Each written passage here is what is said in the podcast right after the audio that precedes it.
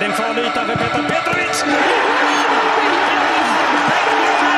Trelleborg vinner derbyt som Malmö FF förlorar med 1-0. 1-0 för Trelleborg! Succé för Trelleborg. Trelleborg tar tre poäng. Trelleborg sig. Seger till Trelleborg. 2-1 Trelleborg! Trelleborg vinner. Trelleborg vinner. Trelleborg vinner. Vi har sagt det förr. Vi säger det igen. Trelleborg är bäst.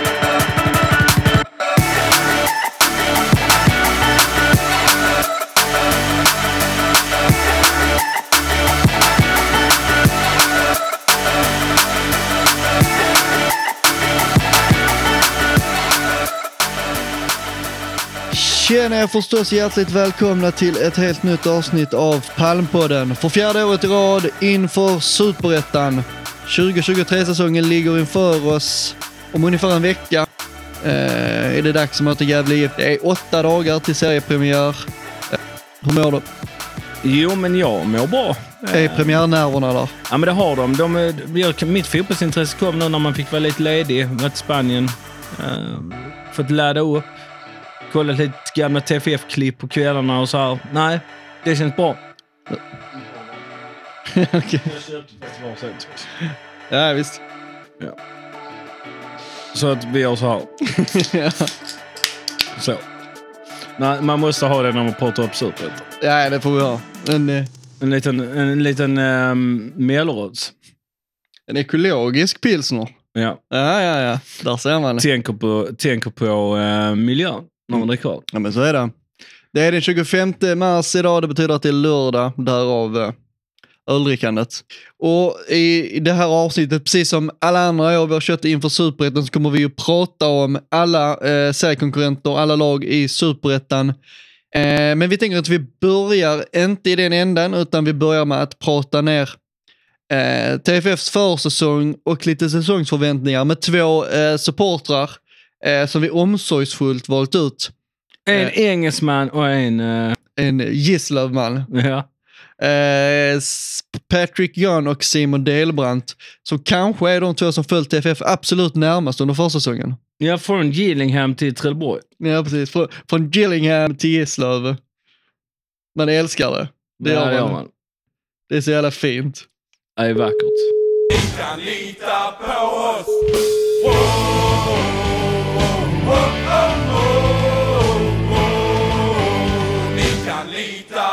Ni två är ju de två som vi vet i alla fall här i Palmpodden har följt Trelleborgs FF mest under försäsongen. Eh, så att vi tänker lite, vi startar lite era... Vi börjar vid Roskilde-campen. Ja, Roskilde Camp. Vad, vad tänker ni, vad, om, om vi går liksom hela vägen tillbaka dit. Och där vi är idag. Ja, vad, vad, vad far genom huvudet på Simon?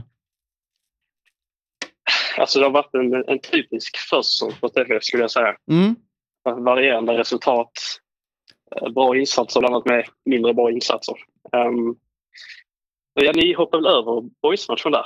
Vi ska gå hela vägen bak. Är det boys vi mötte först? Just det, det var fucking jävla Börjar boys. vi inte med Roskilde? Nej, Roskilde Camp Nej. med andra matchen.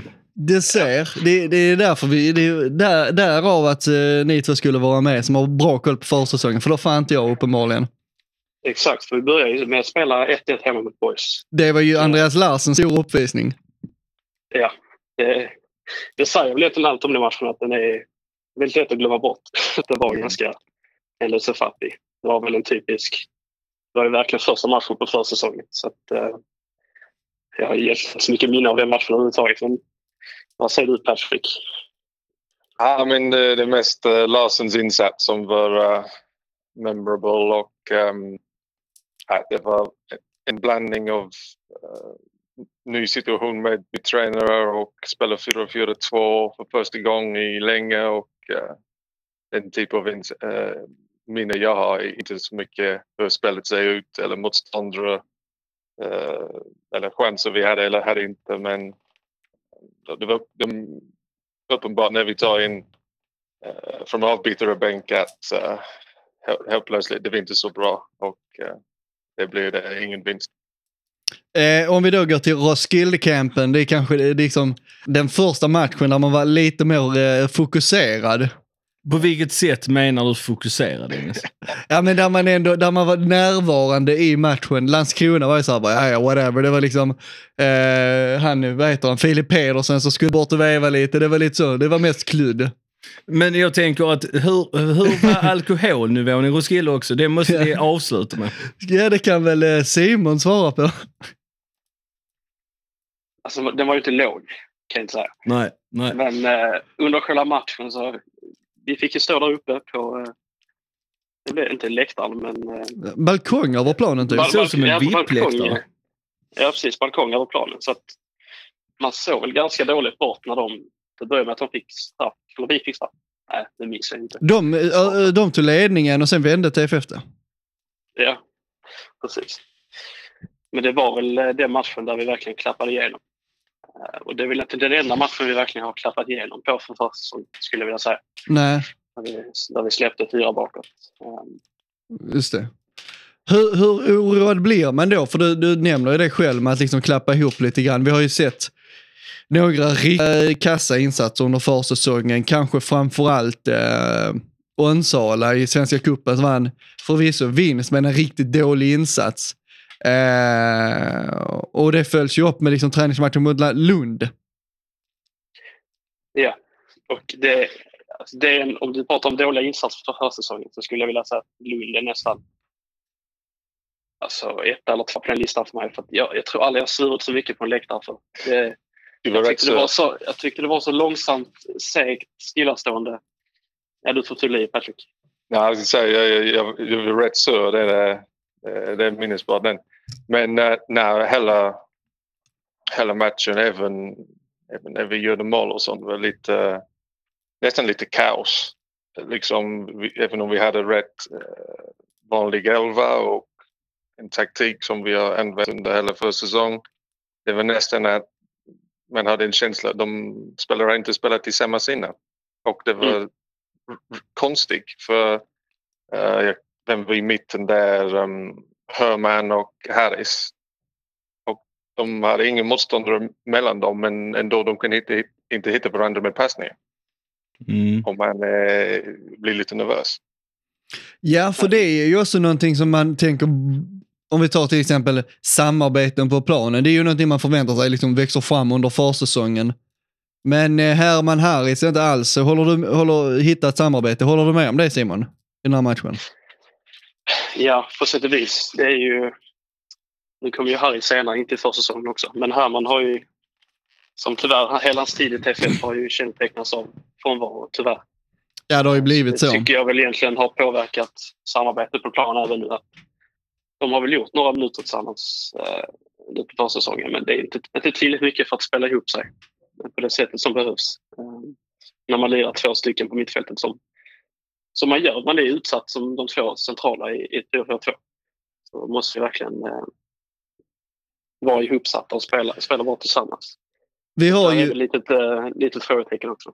ja, abs- de, definitivt. Eh, vi har ju kanske höjdpunkten på hela försäsongen, eh, var ju cupmatchen mot Helsingborg. Eh, innan den, en cupmatch mot Kalmar på bortaplan där TFF förvisso förlorar, men där man ändå, i alla fall stundtals i den matchen, står upp ganska bra mot ett allsvenskt motstånd. Vad säger ni om Kalmar-matchen till exempel?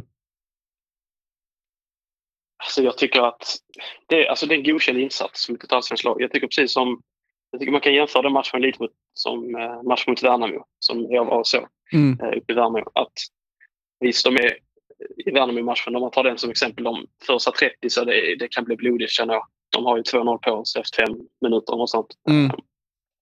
Men precis som i Kalmar-matchen så jag tycker ändå att vi, vi håller i matchen och när eh, det är pausvila i båda matcherna så går vi ut som ett bättre lag i andra. Och, eh, som, som jag var inne på lite tidigare med Roskilde så tycker jag verkligen att det är den enda riktiga genomklappningen vi har haft.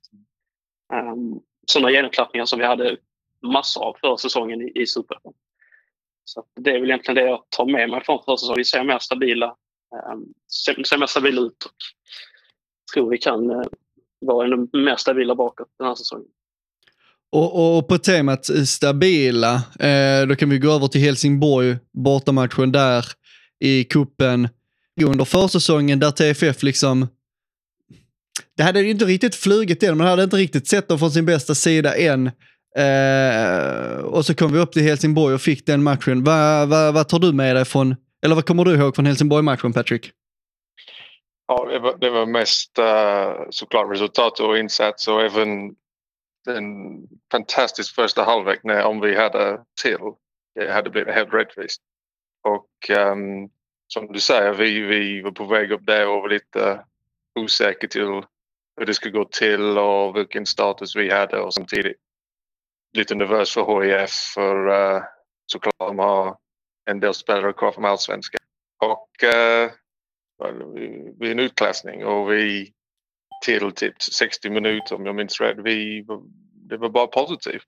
Mm. Och, uh, resultatet och um, tredje mål i you know, tilläggstid bara um, är en bonus. Och uh, vi, vi tar en självförtroende och uh, glädje vidare till, uh, till uh, som du nämnde innan, till ma- matchen mot Onsala. Och därefter man kommer ner igen. Men, um, Precis. men då, HIF är absolut en höjdpunkt, absolut.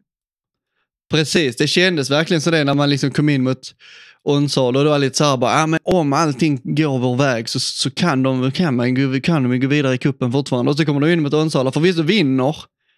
Det var ju en riktigt dålig insats där alltså. Det, det var ju make av dålig match alltså. det, det var en tuff dag. Att, uh, som du säger, komma in med, med en chans att gå vidare om HIF hade resultat mot Kalmar. Och uh, istället vi, vi var tacksamma till Kasper för um, en jättebra uh, show för uh, målvakter. Och um, vi var, jag kan inte komma ihåg vem gjorde mål för oss. Jag tror det var Dahini. Och det är typ you know, 1-0 vinst och uh, inte så mycket positivt att ta vidare och uh, den problem kommit upp, kommit upp igen mot, mot Lund som Simon nämnde innan. Mm. Och, eh, man blir lite, um, lite nervös nu för eh, premiären. Ja, för om man väger samman alla intryck, vi börjar liksom Landskrona, Roskilde, hela vägen till nu, en vecka innan premiären, om man liksom ska ska sammanfatta försäsongen på något sätt, de leder in i säsongsförväntningar. Vad är liksom känslan hos er då? Alltså lite, lite, lite blandade. Mm. Um, tycker vi ändå vi stegar lite. Alltså första säsongen var ju höjdpunkten när vi vinner mot HF. Uh, borta där. Eh, Mm. Det är ju lätt den bästa insatsen på första säsongen. Sen följs det upp av den här Onsala-matchen och även u matchen mot Malmö som vi inte får glömma. Där vi Ja. faktiskt har nästan ett helt fullt A-lag. I princip ett TFFs, ett TFF A-lag som förlorar mot ett uh, U19 slash U21-lag från Malmös sida. Exakt. Och sen då Lunds-matchen efter det. Och då är ju känslan, jag vet inte, då har den svalnat lite igen tycker jag. Ehm, men så kommer vi till Bröndby-matchen som jag antar att ingen av oss här kanske såg. Nej, jag, jag satt och tittade. Ted köpte den eh, via Bröndby TV och sen streamade han den eh, via Discord. Så jag satt och, satt och följde den på en sån här lite knackig Discord-server. Eh, och, och Alltså så här om, om Bröndby-matchen. Man eh, hade ju liksom ingen aning om vad det TFF mötte i den här matchen. Kan ju börja med att konstatera det. Man hade ju liksom ingen aning om det var ett jävla ungdomslag eller om det var ett, eh, ett ordinarie A-lag. Eh, men jag tyckte, det, det jag såg av den matchen så tycker jag att det är en match med ganska bra tempo där det är mest ställningskrig på mitten. Där det inte händer jättemycket och där TFF faktiskt är väldigt, väldigt nära att vinna i slutändan. De gör 1-0 och sen kvitterar Bröndby med sista sparken. Kanske att eh, självförtroendemässigt så hade en seger där varit en välbehövlig boost. Men tror ni det spelar någon roll eh, för självförtroende och så vidare att det blir 1-1 istället för 1-0 inför säsongen? Tror ni, det kan, tror ni det kan ha en långsiktig effekt? De bara, fan vi släppte in sista sparken i Danmark. Lite kanske. Mm. Um, men samtidigt så var det ju vi som vände mot Lund den sista tiden. Det får vi inte glömma att vi lyckades ju vända den matchen. Fast jag måste bara säga det innan, eh, för jag glömde nämna att jag tyckte Lund var väldigt bra. Alltså det måste man ge Lund spelkraft. Ja, men Lund väldigt, har väldigt bra ju... mot, oss. Ja, jag har hört väldigt mycket positivt om Lund. De har spelat bra hela försäsongen och det är... det är ju starkt av TFF att vända där och sen var var det väl också en, en rätt så stor impact när um, Mattias Andersson kom in också, som jag förstod det. Mm. Ehm, att han lyfter truppen liksom. Och det, det känns ju positivt att vi har fått in en, kanske en hänförare där bak som vi har saknat. Ehm, så känner jag lite grann. Att, eh, jag Kan han, eh, kan han vara skadefri så tror jag ver- verkligen han kan bli den här ledaren vi behöver. Um, som vi inte hade under försäsongen där Modig och Jönsson de turades om att göra misstag. Eh, om man får vara så krass. Ja. Men vad tror vi då om eh, säsongen som kommer? Patrick? Blir det allsvenskan Oh, eh. 2024? Eh, Det är helt möjligt. Ja, det tror jag. Um, vi behöver en bra start. Det är ganska obvious, men jag tror om vi kan ha en bra start och, få lite tempo efter kanske fem, sex matcher och uh, självförtroende öka i truppen och eh, på läktaren också.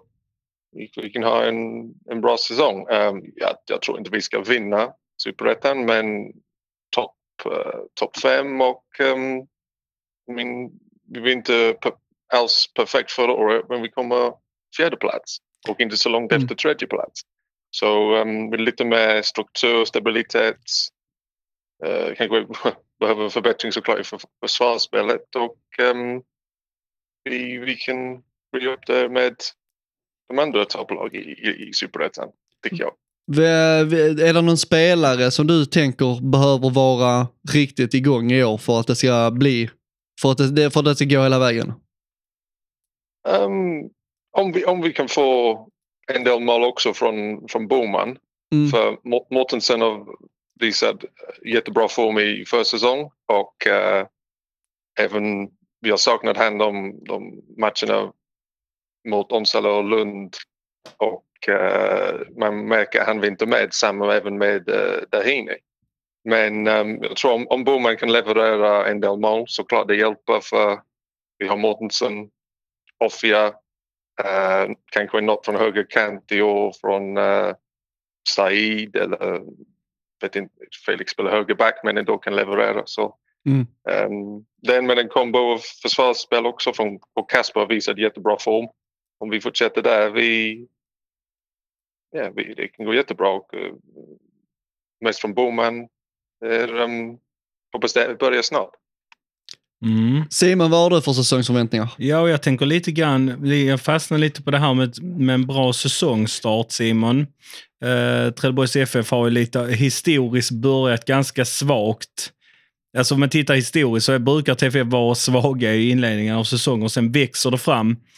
Tror du om vi nu går emot det och börjar bra som Patrick är inne på och hoppas på, tror du att det kan leda till att man går upp i så fall?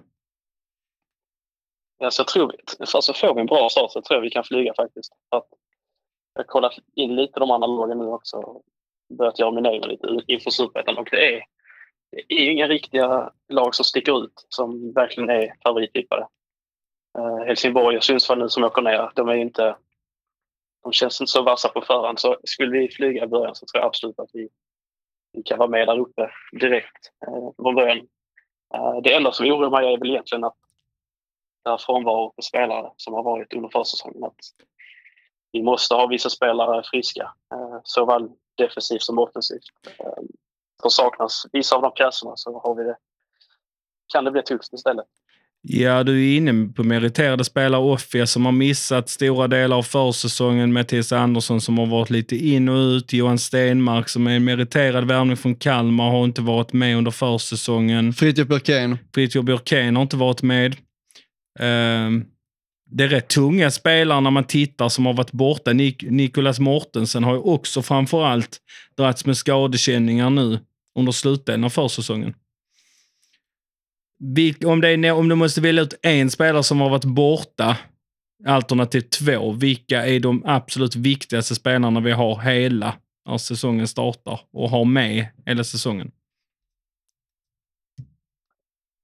Ja, det får man väl ändå säga att Offia får ju vara en av dem. Mm. Mm. Han har varit med lite ju, men han har ju varit borta en del också. Eh, och han är ju, jag skulle vilja säga att han är en av Superettans bästa spelare. Eh, Helt enig. Så, så att eh, han behöver vi verkligen. Och som jag var inne på innan så är det ju, jag tycker vi känns stabila bakåt men framåt. Vi gjorde ett mål mot Uppsala, bara 2-1 mot Lund och ja, jag tror det är framåt som vi måste verkligen, alltså vi, vi behöver verkligen orka så att säga. Och sen får jag också lägga, lägga till Björkén i den eh, i samma mening för att jag tycker han är jag kan, jag kan tycka att han var kaptensmaterial. Nu har ju Vittiku varit kapten för säsongen, men jag gillar ju verkligen Björkén. Jag tror hans erfarenhet behövs eh, i TFF. Är det någon seriekonkurrent som sticker ut för dig då, eh, Patrick? Patrick, är det någon du ser i Superettan och bara shit? Här har vi Ja, eh. Superettans Gillingham. Jag tror det blir uh, Utsikten um, Superettan Gillingham. De uh, kanske åker ut. Men um, till exempel Östers såklart är Ja.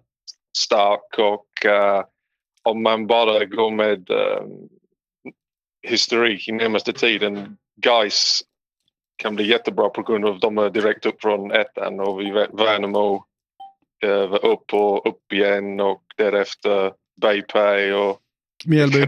så, men you know, om, om man har momentum um, det kan betyda mycket. Kan, jag vet inte men eh, annars jag tänker det blir Östers för såklart de var bra förra året. Och, ehm, men de har en tuff start. De har HIF borta och därefter oss hemma. Så kanske de har noll poäng efter två matcher. Det känns som att TFF under försäsongen är en sak som för mig att känneteckna TFF eh, under försäsongen har varit P.O. Jungs mer tydliga spelidé än vad vi hade under Christian och Alex. Håller ni med om det? Rak fotboll, 4-4-2, hitta ytan bakom backlinjen. Absolut. Absolut. Det en grej också med uh, försäsong för mig att man kan förstå vad de försöker att göra. Mm. Alltså, vi, vi, vi vill ha eh, mycket på kanterna och overlap från full, fullback som kommer upp, Trouter kommer in och eh, kan även komma in i boxen också från, från andra sidan. Och eh, även om vi kanske behöver en alternativ eller som plan, plan B och C.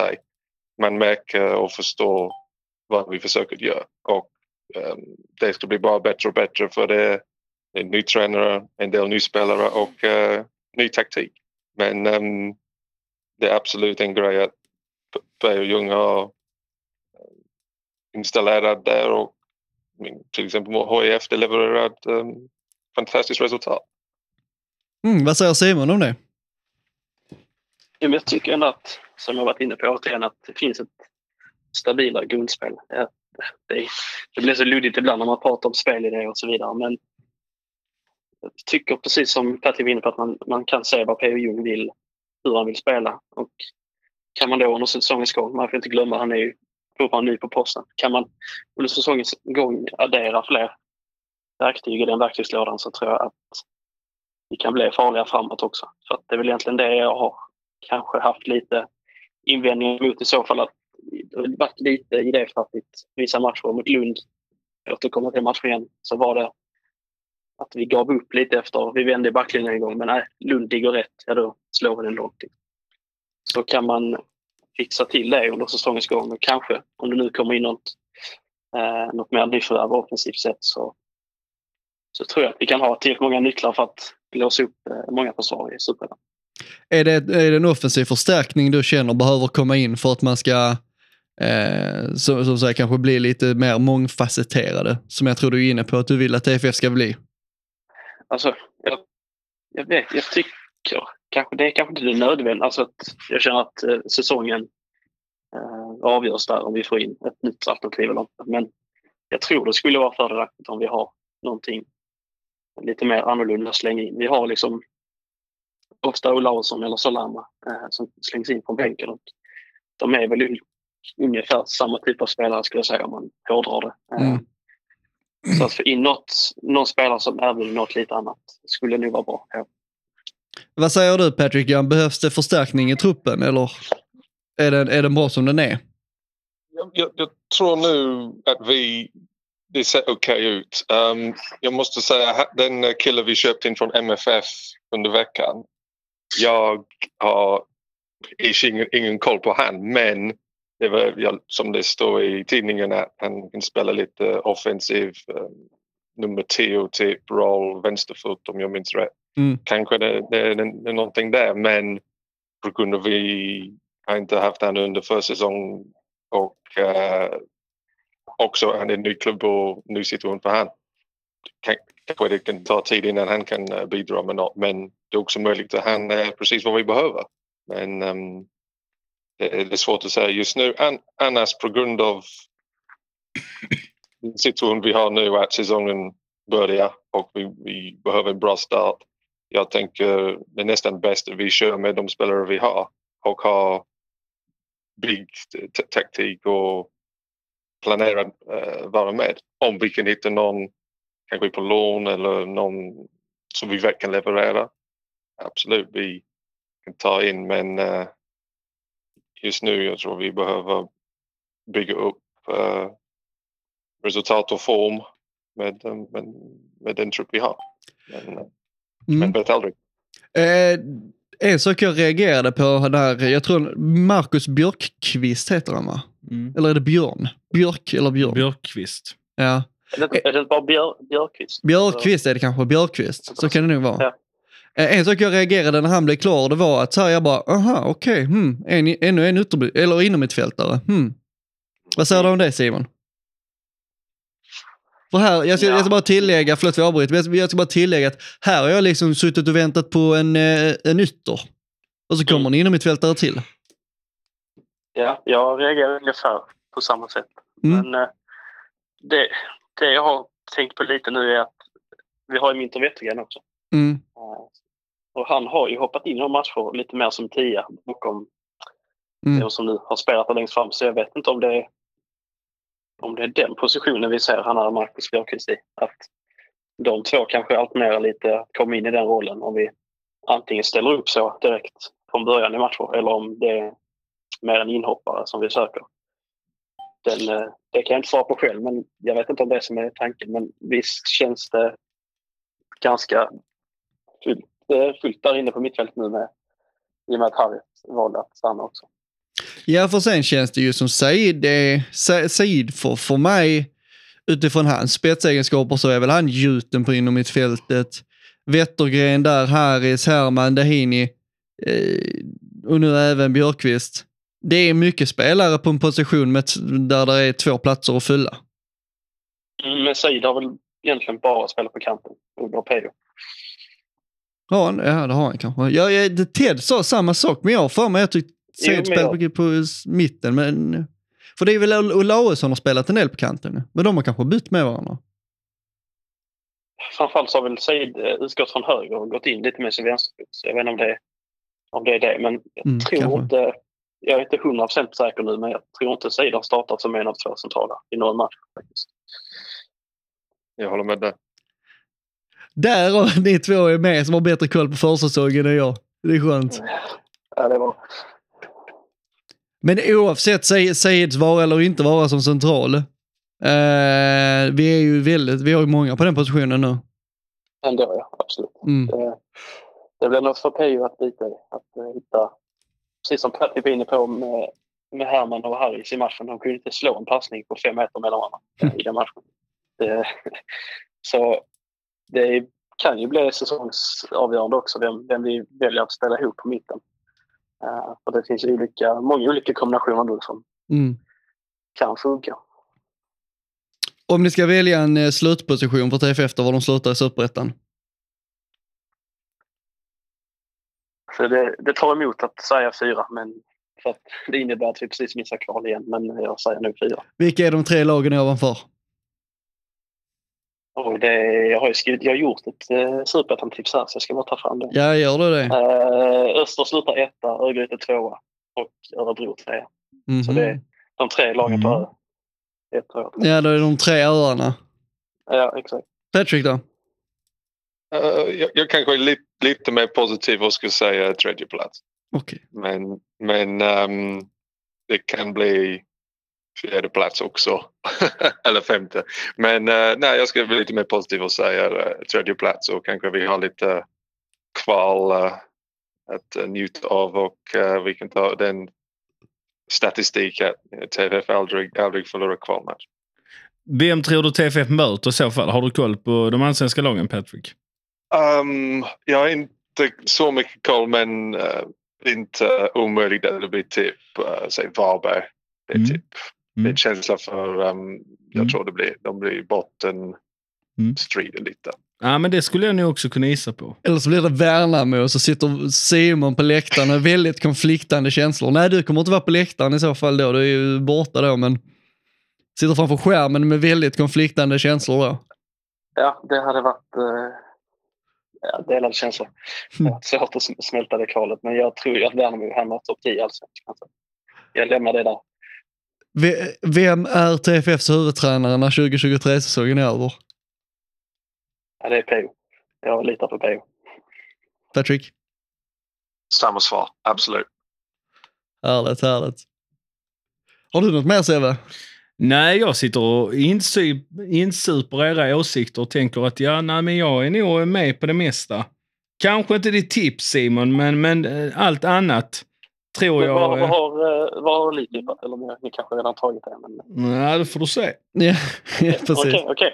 Eh, jag kan säga att eh, ni är mer optimister än vad jag är när det gäller var TFF Ja, slutar. ja, ni är mer optimistiska än vad vi är. Så kan vi konstatera. Okej, mm. Men det gillar vi. Vi behöver ha några som är positiva också. Ja. Kan inte ha bara oss två i samma hjulspår. Så det är, nej, men, det- men vi, vi är inte jättelångt ifrån. Så kan vi väl konstatera. Eh, Jag måste bara plussa för Tobias Karlsson också. Innan jag, Såklart. Absolut. innan jag har sagt, sagt mitt. i- i- Ni kanske redan pratat om, om Nej. honom, men... Nej, men jag gillar Alltså- att du gör det. Någon måste göra det. Eh, Jag följde ju honom i eh, hos IF säsong innan, vi, eller innan han gick över till oss. Och Mm.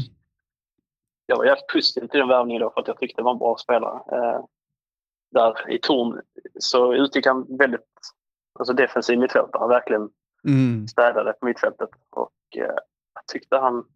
Ja, när jag såg värvningen tyckte fan, fan vad kul. Jag tycker det är en bra spelare. Men sen har han ju inte fått... Han har inte riktigt fått chansen. Eller så har han inte tagit chansen. Eh, det är väl upp till de lärda att tvista om. Men som han har tagit sig tillbaka in i, i Trelleborg den här säsongen efter ett lån utlån då i Torn där han fick spela mittback. Eh, och, vilket han även nu gjort hos oss under försäsongen tycker jag han har gjort det så jäkla bra. Alltså, man kan inte göra det bättre än vad han har gjort. Eh, Är det rent av så att Tobias Karlsson kanske tar en av mittplatsposterna i premiären mot Gävle nästa söndag? gäller tror jag. Vad säger Patrick om eh, Tobias Karlsson och hans chanser att bli ordinarie mittback? Det kan bli helt möjligt för um, tyvärr alternativ. Vi har haft problem med uh, skador under försäsong och Abel var på landslags um, duty och sånt. Men um, jag håller med också att Tobias Karlsson är en av de bästa spelarna från försäsong och uh, det är lite kliché men uh, han räknas kanske som ett nyförvärv. Eller känns det så. Och um, om han fortsätter på den nivå det är um, en positiv problem för uh, tränaren att uh, ta ett första elva. Ja, och Tobias Karlsson kanske går den, han kanske bryter den, ehm, den spärren, den mentala spärren TFF har haft och lånat ut spelare på utlån. För det har ju ofta tenderat till att vara goodbye när man har blivit utlånad från Trelleborgs FF. Ja, det har gått åt helsike Det har liksom bara varit tack och hej efter utlånet. Han Ja, kanske gör, bryter eh, den trenden och den spärren som man har haft att låna ut spelare. Eh, tänker på... Jag, jag tänker också lite grann, eh, eh, eftersom Patrik Lindqvist ofta lyssnar på den här podden och sågar mig för Kalle, min Kalle Larsson-låsning. Hur var Kalle i matchen mot TFF? Larsson? Han var riktigt bra. Det var ju efter han gick ut som matchen vände. TFF tog över.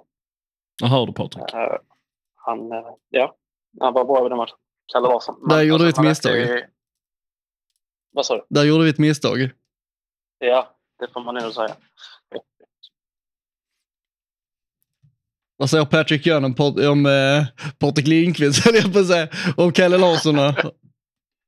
Nej, men uh, han, han var absolut en av de bästa spelare Lund hade förra veckan och uh, som, som vi har nämnt innan, Lund var jättebra. Och um, det kanske blir lite pengar på Lund i, i ettan Sodre i år. Vi kanske blir seriekonkurrenter med dem 2024 om vi inte går upp. Det är inte möjligt. omöjligt. Vi- God liten Skåneliga eller Torn. De, deras kommunikatör får gå upp superettan med dem. Han får bli kommunikatör för TFF istället. Ja. Det var kul. Ja, vi ska bara ta, jag ska bara ta min mittbacksdiskussion i hamn. Att Ja. Jag tycker ändå att, att vi ska satsa på eh, Abel Oguiche långsiktigt. Han är, ju, Mm. är det någon spelare vi har potential att sälja i framtiden så är det ju, är det ju han.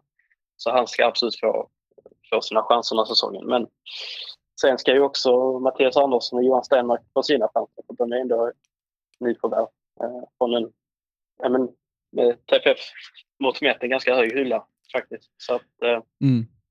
Alltså om jag skulle få bestämma eh, över, av vad jag har sett så blir ju Vittiku odd man out av mittbackarna. Alltså det vill säga han får stå åt sidan. Exakt. Ja. Det är han jag tycker har sett, alltså inte svajig på något sätt men det är väl han jag ser minst, eh, vad ska man säga, höjd i kanske som fotbollsspelare. Mm, Okej. Eh, men visst, han har ju varit kapten här för säsongen. så det, det är kanske bra att inte jag är huvudtränare för Trollhättan. Jag tänker... Eh, Vi hade gillat att se Simpa där nere. Ja, det hade vi fan gjort. Stått där och varit helt vansinnig. Ja. Eh, Patrick, vad säger du, vad säger du om eh, Abel och Gusche då? Eh, är, är du att satsa på honom? Absolut. Och uh, om um, han har om, han är med till uh, vad heter den, under 20 VM och uh, presterar som han gör i afrikanska mästerskap just nu.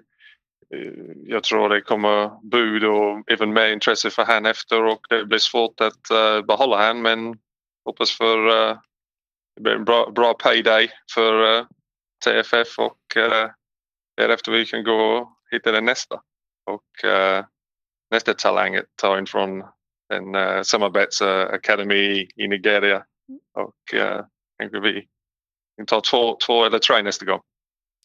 Simon, är det Tobias Karlsson som är mittback bredvid Abel på ditt, ditt, din mittbacksuppsättning? I premiären eller du tänker hela säsongen? Jag tänker, ja, ordinarie. Första val.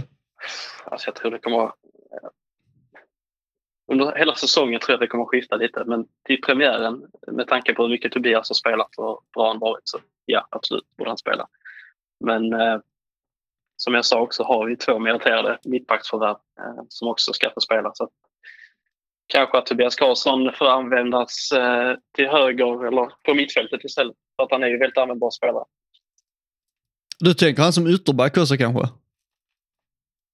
Han byttes ut på uh, ytterbacken för Hörberg sist mot Lund då. Eh, Okej. och gjorde det bra de sista 10 minuterna. Eller det var nog mer, än 10 minuter, 20 minuter kanske. Eh, Ja.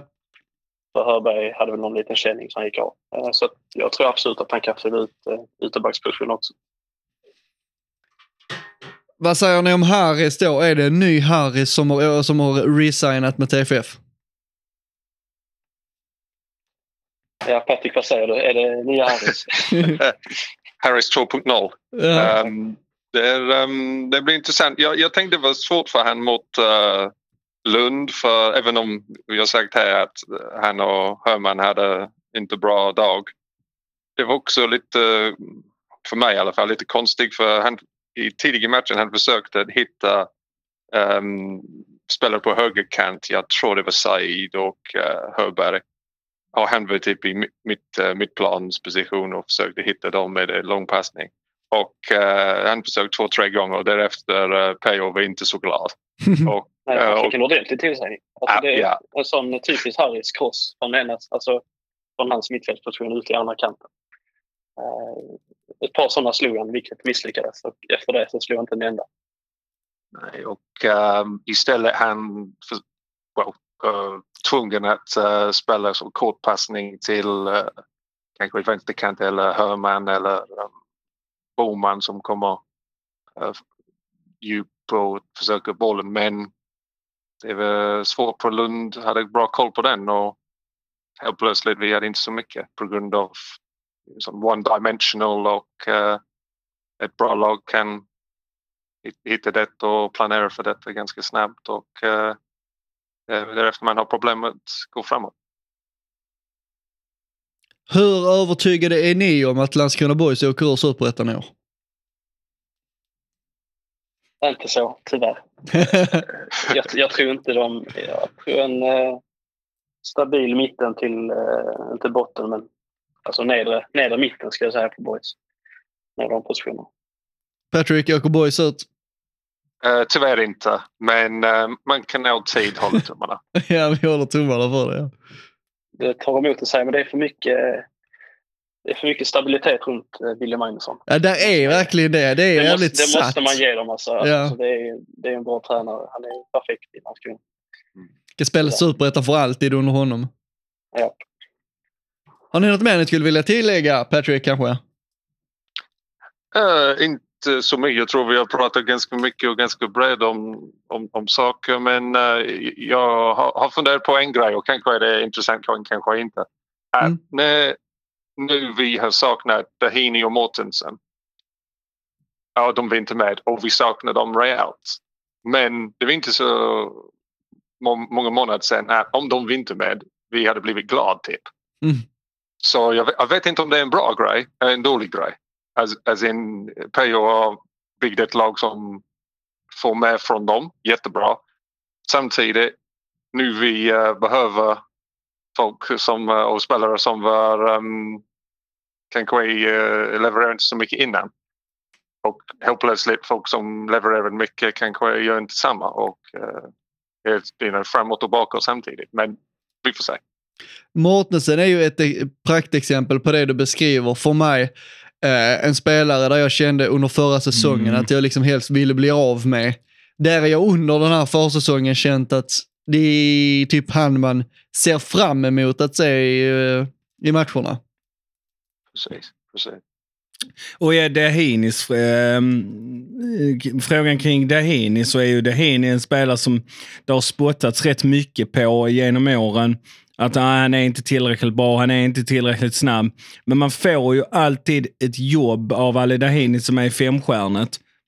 Sen kanske det inte lyfter jättemycket under honom, men så vitt jag har förstått av, av de indikationerna som har varit under försäsongen nu så har han ju tagit ett kliv i år och varit bättre än vad han har varit innan. Så jag, jag känner också lite grann att en sån som Herman Hallberg behöver steppa upp om han ska vara cementerad. Harris, den nya Harris eller inte den nya Harris, 1,0 eller 2,0, behöver också steppa upp.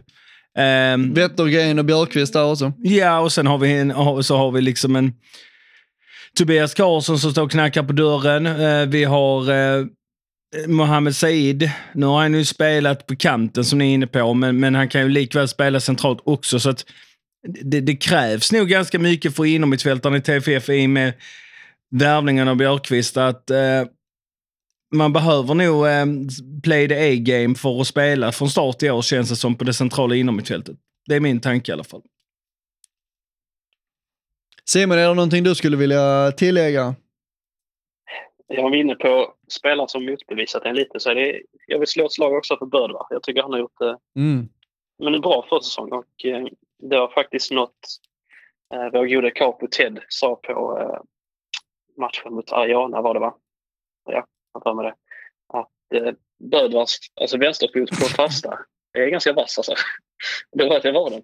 Eh, fem minuter senare så var det en assist på var det en frispark eller hörna eh, från Bödvars vänsterfot. Så jag har ju klagat lite på honom att jag tycker inte han är så bra offensivt. Och hans vänsterfot, tilläggsfot, Mm. har varit lite sådär. Men jag tycker han har varit ganska bra på försäsongen. Och eh, jag vet inte om det är där Björkén ska in och konkurrera sen när han är tillbaka. Det är väl tanken tror jag. Ja, så att det kan nog bli en eh, ganska god fight ändå mellan dem om vem som ska spela vänsterback. Bödvar stod väl för en assist mot HIF, gjorde han inte det? Jo, det också. Eller nej, det var, var det inte Harris? Det var Said en assist. Alltså Och var det kanske. Jag hade för mig, Du har dålig koll jag hade för mig Bö- Bödvar stod för en Du mot har HIF. dålig koll Dennis. Ja, var du med i Helsingborg då? Ja, var jag. Var du det? Hur full var du i Helsingborg? jag drack ingenting då. Var du med i Roskilde då menar jag? Nej, det var jag inte, men i Helsingborg var jag med. Var du med i Helsingborg? Ja, det var det kanske. Du måste sli, sluta dricka helt ärligt om du inte vet att jag var med i Helsingborg. Jag vet inte om du var med där. Nej, Jag är osäker. hade inte vi sup dagen innan? Vi var bakfulla i Helsingborg väl? Eh, Sebbe var väl inte med i Helsingborg? Jo, det var Nej. Jo, det var jag. Han var lite, han var lite lågmäld då. Är det okej okay, Var det bra? Ja. Jo, vi, jo, vi drack dagen innan. Det gjorde vi. ja. Vi var bakfulla i Helsingborg. Ja, just det. Mm. Ja, vi kom ju hämta dig innan vi åkte. Ja. Ja, ja, men... Eh, Kanoner killar. härligt att ha med er Simon och Patrick. Eh, vi synes ju eh, på söndag. Nästa söndag. Nästa söndag, ja. Absolut. Ja, Härligt. tack själva för att vi fick vara med. Kul. Bara kul att ha er med. Eh, vi ses som sagt. Ha det bra, tack så mycket och eh, hata boys.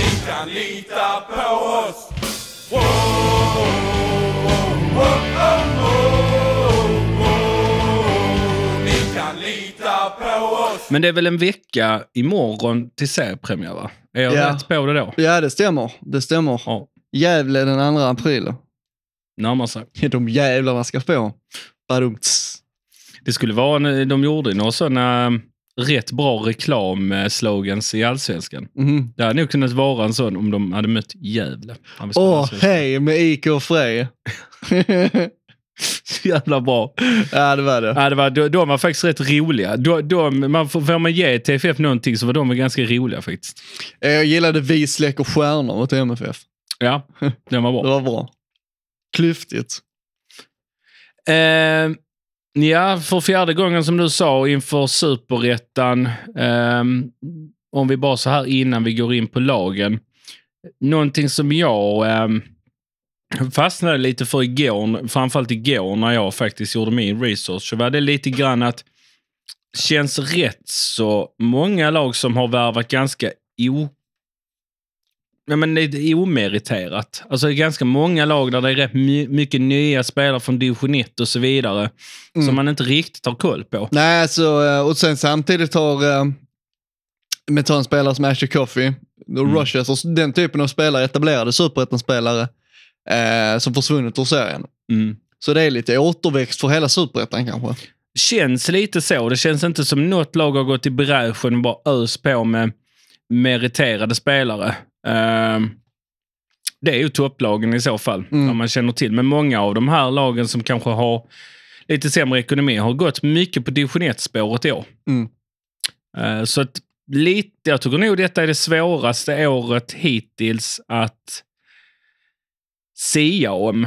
Ehm, Görs också svårare av att du råkar erkänna att du började göra din research igår. Ja, jo, jo. Jo, jo, men jag, gjorde, jag kan säga att jag gjorde den ganska så... Jag grävde ganska djupt Det blev gediget. det, det var sent, men det var ändå faktiskt ganska gediget när jag väl satte igång. Men eh, nej, jag, Hittade du någon spelare på Knargöran förresten? Du skulle ta med någon hem. nej, det blev dåligt med det. Det var dåligt med det, faktiskt. Salle är besviken nu när det inte blev något. Säle ringer och är vansinnig. Ja. Vad fan, du sa ju på att du skulle ta med honom. Ja, du skulle fixa någonting. Det hade i varit jävligt roligt om jag hade så här gått bakom ryggen på TV och lovat massa saker och tagit med till Ja. Sverige. Bara, ja men vi löser det på plats. Ja, Vi löser det bara du kommer hit. Inga problem. Säle står där och pekar på tidningen när man kommer upp. Och många Det kommer någon korpspelare med lite kagge. Ja, ja, det var Som, gillar, som lite för mycket gillar cerveza. Ja, lite så. Nej, men nej, där var inte så mycket fotboll. Det blev inte så mycket fotboll överhuvudtaget i Spanien. Nej, det är lika bra. ja, Lika bra att slippa skiten en vecka till. Ja, men lite så. Sen spelade ju Las Palmas dagen innan vi kom ner till Spanien, vilket Mm. var lite synd. Mm. Annars hade det varit gjutet och åkt och tittat på eh, Las Palmas, men det blev inte så faktiskt för min del. Tyvärr. Nej, blir Simon besviken när han får höra det, att du var i Las Palmas, eller på, på ön utan att titta på Las Palmas. Ja, men lite så. Framförallt eftersom jag var ganska nära arenan, men ändå inte. Jag tror det var typ så här två timmars mm, om man skulle gå. Sen kostade typ en taxi 30 spänn om man skulle åka en halvtimme. Ja, Så att, då är det ju inte så mycket att pruta om. nej, nej, det var lite så. Äh, tre euro, bara så här. Ja, ja. Ja, ja, ja. Kör på det. ja. Eh, Du som har varit och rest också varit i Tyskland när man använder euro. Jag hade en jävla massa mynt som man inte riktigt Mm. så här begrep hur mycket det var. Alltså det var min så här kontenta. Man bara, Ja, man tänkte att det var ju en så här 50-öringar, men man hade ju mer euros än vad man trodde i mynt. Ja, och- men var mitt konstaterande nu när man inte har använt... och den här, och den här svenska grejen med att betala med kort överallt, det är ju, det är ju också en svensk grej. Eh, Ja, ja. Så ser det inte ut ute på kontinenten. Danmark är väl likadant med att det ska vara kort överallt, men ute på kontinenten, där man är lite mer skeptisk till att låta staten spå, så här, spå, kunna spåra en överallt, där är man lite mer skeptisk till att använda eh, kort på det sätt som vi gör i Sverige. Jag tror inte jag använde kort en enda gång. Faktiskt. Tror inte jag gjorde det. Nej, och så var ju Tyskland också, krogar och sånt när jag var där. Det var ju liksom bara, det var ju eller, kontanter som gällde. Skulle inte ha något jävla, någon jävla kortbetalning.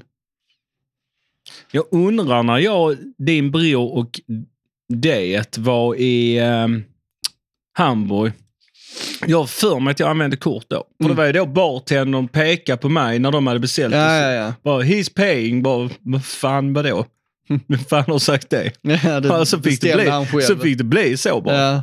Men eh, Röjer på reeperbahn. rö- rör på reeperbahn. Om ni inte har varit där, så åk dit. Yes, det var då de skrattade åt att eh, St. Pauli spelade 0-0 i sin match. Ja, Ni njöt av det. jag åkte hos St. Pauli spela 0-0. Men det är det man gör om man ska säga St. Pauli spela Zweite Bundesliga. Då ska de ju spela 0-0. Lite så. Eh, nej, men eh, det ska bli spännande att prata upp serien. Serien som man egentligen hatar rätt mycket, som man vill bli kvitt snart. Eh, jämnare än någonsin känns det som på förhand. Men eh, vi har ju kategoriserat upp lagen. Du kan ju börja med den första kategorin, så kan vi hålla det lite spännande. Ja, det kan vi absolut. Eller vi kan nämna kategorierna utan att nämna vilka lag som är med. Ja. Eh, fyra kategorier. Eh, jag tänkte att det skulle vara fyra lag i varje kategori, men man insåg ganska snabbt att det inte kommer att bli det. Eh, för serien är ganska jämn, så där är en kategori med bara två lag i, en med hela sex lag i. Eh, men vi börjar med favoriterna i årets superetta och den kategorin, eh, i den kategorin har vi valt att kalla för Big Fish. Eh, Öster, Helsingborg, Sundsvall och Eskilstuna. Mm. Eh, vi var väl inte helt överens där kanske. Du var väl lite tveksam till Helsingborg? Mm. Jag kommer väl, när vi kommer till Helsingborg så kommer jag förklara varför också. Ja. Men jag tänker att det börjar överst och börjar man överst börjar man med Öster. Mm. Enligt mig den absolut största favoriten i årets superetta. Eh, om vi tar lite nyförvärv till exempel. Man, har värvat Daniel Ljung, 24 år från J Södra. Johan Stenberg eh, har man lånat tillbaka på något vis från Phoenix Rising. Det är väl någon, någon eh, seriekonkurrent till Peter Petrovic nu för tiden. Hans, Mm. hans klubb. Eller Passau, just det, så var det. Mm. Eh, sen har man ju förlorat en, en del spelare förvisso. Oliver Silverholt har gått till Varberg, Johannes Drotz har gått till Örgryte. Eh, duktiga målvakten Mattias Nilsson som var där förra året som fick, som omskrevs väldigt mycket på positiva ordalag. Eh, lånet är slut och han återvände till Malmö och har gått vidare till Örgryte där han återförenas med sin gamla tränare Jeffrey Åbyn. Mm. Eh, så det är klart att man kan ifrågasätta lite grann spelarna ut i öster. Men, Men, men, faktum ehm, kvarstår, tittar du på eh, en del noterbara spelare så har du kvar en eh, Måns Berg, Johan Stenberg, Vladimir Rodic, inte minst. Ahmed Bona som jag fortfarande tror kan, kan få ett stort genombrott i Örgryte. Ahmed Bona som är eh, mittfältare som gjort ganska mycket poäng i division 1 tidigare, gick till Örgryte, eller Öster inför förra säsongen. Mm. 2022. Fick, fick inte riktigt fart på det, men kanske att det är en sån här säsong två-utveckling på honom. Och sen har vi ju Jenny Skotzic såklart. Eh, lovande offensiva spelaren Isak Magnusson och eh, en favoritspelare i Palmpoddens sammanhang, Adam Bergmark Wiberg. Ja, och det så, som dessutom har blivit permanent. Yes. Hans låneäventyr är över. Just nu åtminstone. Mm. Permanent övergång till Öster och det är, ehm, ja vi har pratat om, om, honom- om honom många gånger. Och det eh, har vi väl gjort för att vi tycker att det är en duktig fotbollsspelare. Fick ju kanske sitt andra genombrott i, i Öster. Han fick ju ett tidigt när han spelade i Gävle. Eh, Jo men precis, innan han gick till Djurgården. Gick till Djurgården, sen har det inte blivit någonting i Djurgården. Bara massa lånesessioner lite överallt med blandat resultat. Var ju i Örgryte säsongen innan och var ju inte speciellt bra där. Men i Öster fick han fart. Ehm, jag fastnar väl lite för just att en spelare som Mark Rochester en, det är ju min gubbe, definitivt. Vi sa det innan vi började po- podda. Hur fan kan man släppa honom? Mm. Eh, och varför har, i helvete har inte TFF tagit honom? Hade jag fått välja fritt bland innermittfältare i serien så hade jag nog valt honom. 30 år också med lite rutin. Ja. Så det är ett synd. Eh, ja, det var ju förstås en väldigt oväntad, eh, oväntad spelare att eh, lämna Öster. Ja, som jag förstod det också när jag, som sagt igår, när jag grävde lite så var det väl att man inte, han, han inte erbjöds något nytt kontrakt. Ja, det var lite otippat kan man tycka. Lite så. Men eh, han är ett tungt tapp. Jag tycker att eh, Silverholt, som du nämnde, det är ett tungt tapp. Eh, Kliv upp i all, allsvenskan, för han var väl kvar, klar för Varberg mm, när eh, Öster och Varberg möttes i ett allsvenskt Ja. Det var väldigt märkligt. Mm. Så han var redan, liksom redan klar för Varberg. Ja, men väldigt Skulle så här möta dem i ett kval. hockeyövergång. Ja. Alltså, I hockeyn är det ganska vanligt att man gör klart med spelare under säsong. Eller åtminstone att det läcker ut medialt. Ehm, Mm. I Schweiz exempelvis så är det ju väldigt, där är det ju liksom ingen grej att man gör klart med spelare mitt under säsong. Men i Sverige, i, även i hockeyn, men där har det börjat läcka lite under säsong. Ehm, och ehm, i Silverholts fall var det ju så. Det måste varit jättekonstigt att spela ett kval när man går till ett annat lag. Han... Som man möter i kvalet. Ja, om man ville spela allsvensk fotboll, det är ju därför han har gått dit. Så det, det, det måste varit en jättekonstig känsla för honom. Han hade nog ställt in festen om, han hade, om Öster hade vunnit. Ja. Han, han hade ju inte gått på festen då. Nej, lite så kanske. Eh, svårt att sätta sig in i hans situation om man tänker om man bara, nej men jag spelar och sen får det bli som det blir. Jag vet inte. Men, men visst, alltså namnen du har nämnt, jag är väl lite tveksam till, man har ju även plockat in... ehm, Niklas Söderberg från Borge. Precis, jag skulle komma till det. Eh, Han fick ju sitt genombrott lite i fjol ju, i Brage. En eh, Mortensen typ av anfallare. Ja. Eh, och ehm, Öster blev ju inte trea bara för, eh, på ren flax, utan de, de var bra i fjol, eh, men serien var svag. Det är lite det som talar emot Öster, att serien var så pass svag med bra fotbollslag i fjol, som gör att är de verkligen så bra som, de, som det blev i fjol, alltså att man slutar på en tredje plats? Var det för att man var bra eller för att serien var dålig? Mm. Jag är, men jag håller nog ändå dem fortfarande som, som en, av de, en av de främsta utmanarna till att faktiskt gå rakt upp. Men, men jag, spelartappen gör att jag är lite så här tveksam. Att, mm, det är rätt så bärande spelare som har lämnat. Mm. Så, Äh, som ett sidospår då. Mm. Vem är favorit i att vinna Superettan 2023 enligt dig? Mm, Det håller jag på. Mm, du håller på den, okej. Ja. Fine. Eh, Man har ju Mattias Pavic också, försvararen. Erfaren, duktig spelare. mm, mm. Ja, Mångårig i Öster också har jag för mig. ja, så är det ju. Så att, ja, jag vet inte. Jag tycker balansen i truppen är väldigt bra. Ja, men det är det. Det är starka spelare ja, överallt. Ja, men det är den. Och Öster har bra trupp på förhand så känns de ju starka. Men jag, jag är lite i själva dynamiken med så många tongivande spelare som har lämnat så kan det bli lite problematiskt framförallt i början på en säsong. Vad heter han? Jesper Westermark, anfallaren. Ja, Tänk han bredvid Niklas Söderberg. bulldozer. eh, Ja, precis. paret. Exakt. Och så en Isak Magnusson på kanten där någonstans. Ja. Ahmed Bona på andra kanten. Nej, och så, och så Vladimir Rodic på... Nej, han kan vara wingback i och för sig. Ja, men, det, nej, men de har ett bra lag. ihop. De har ett bra lag. Ehm, kanske är det därför man släppte Worcester, för att man känner att Rodic ska få ännu mer utrymme. Jag, Mm. jag vill ju se han på ett mittfält om han ska spela. Jag tycker- Centralt. Ja, jag tycker han är makalöst bra. Han har varit lite wingback och allt möjligt i Österhåll. Ja, men det har han. Men det är bra med en sån spelare. Ja, ja, det är bra med flexibla spelare. det, är, det är en bra spelare att ha som kan spela på olika positioner. Men att Öster tillhör en av favoriterna, det får väl, trots att jag har sagt men och om och så här, så är det ju så. De lär vara med. Har du koll på vem de tränas av? De tränas av en jugge fortfarande. Okej. Eh, De har ersatt Mattias Nilsson med en spelare från Serbien. Och om jag inte missminner mig helt så är deras tränare serb. Alltså Mi- Milo... Nej, det var ju Hammarbys tränare. Och sedermera Malmö. Milos. Eh, vad fan heter han? Ja, skitsamma. Det är någon. Det är någon. De har en tränare. De har en tränare i alla fall. Ja. Eh, ska vi gå vidare till nästa lag? Eller Då vi... tänker jag att det blir Helsingborg. Oj. Ja. Oj, ja, fy fan. Nu, eh, ja, nu, Nu är eh, det känsligt. Nu är, nu är det prat om dominans och ehm, ja, blir det någon dominans för HIF, laget som åkte ur eh, super, eller allsvenskan i fjol? Jag eh, vet inte vad du tycker, men jag tycker ju stundtals att Helsingborg faktiskt spelar en ganska fin fotboll. Eh, tycker det påminner lite om när vi gick upp 2018, att man inte riktigt hade materialet för att klara sig kvar. Man hade inte tillräckligt många spelare som kunde bidra med poäng framåt. Och bakåt ser det för tunt ut. Um, nu är man tillbaka i Superettan igen. Um, blivit en liten Halmstad bollklubb, lite så här jojo-lag nu, Mm, åker upp och ner. Verkligen. Um, blir väldigt stora favoriter när de åker ur.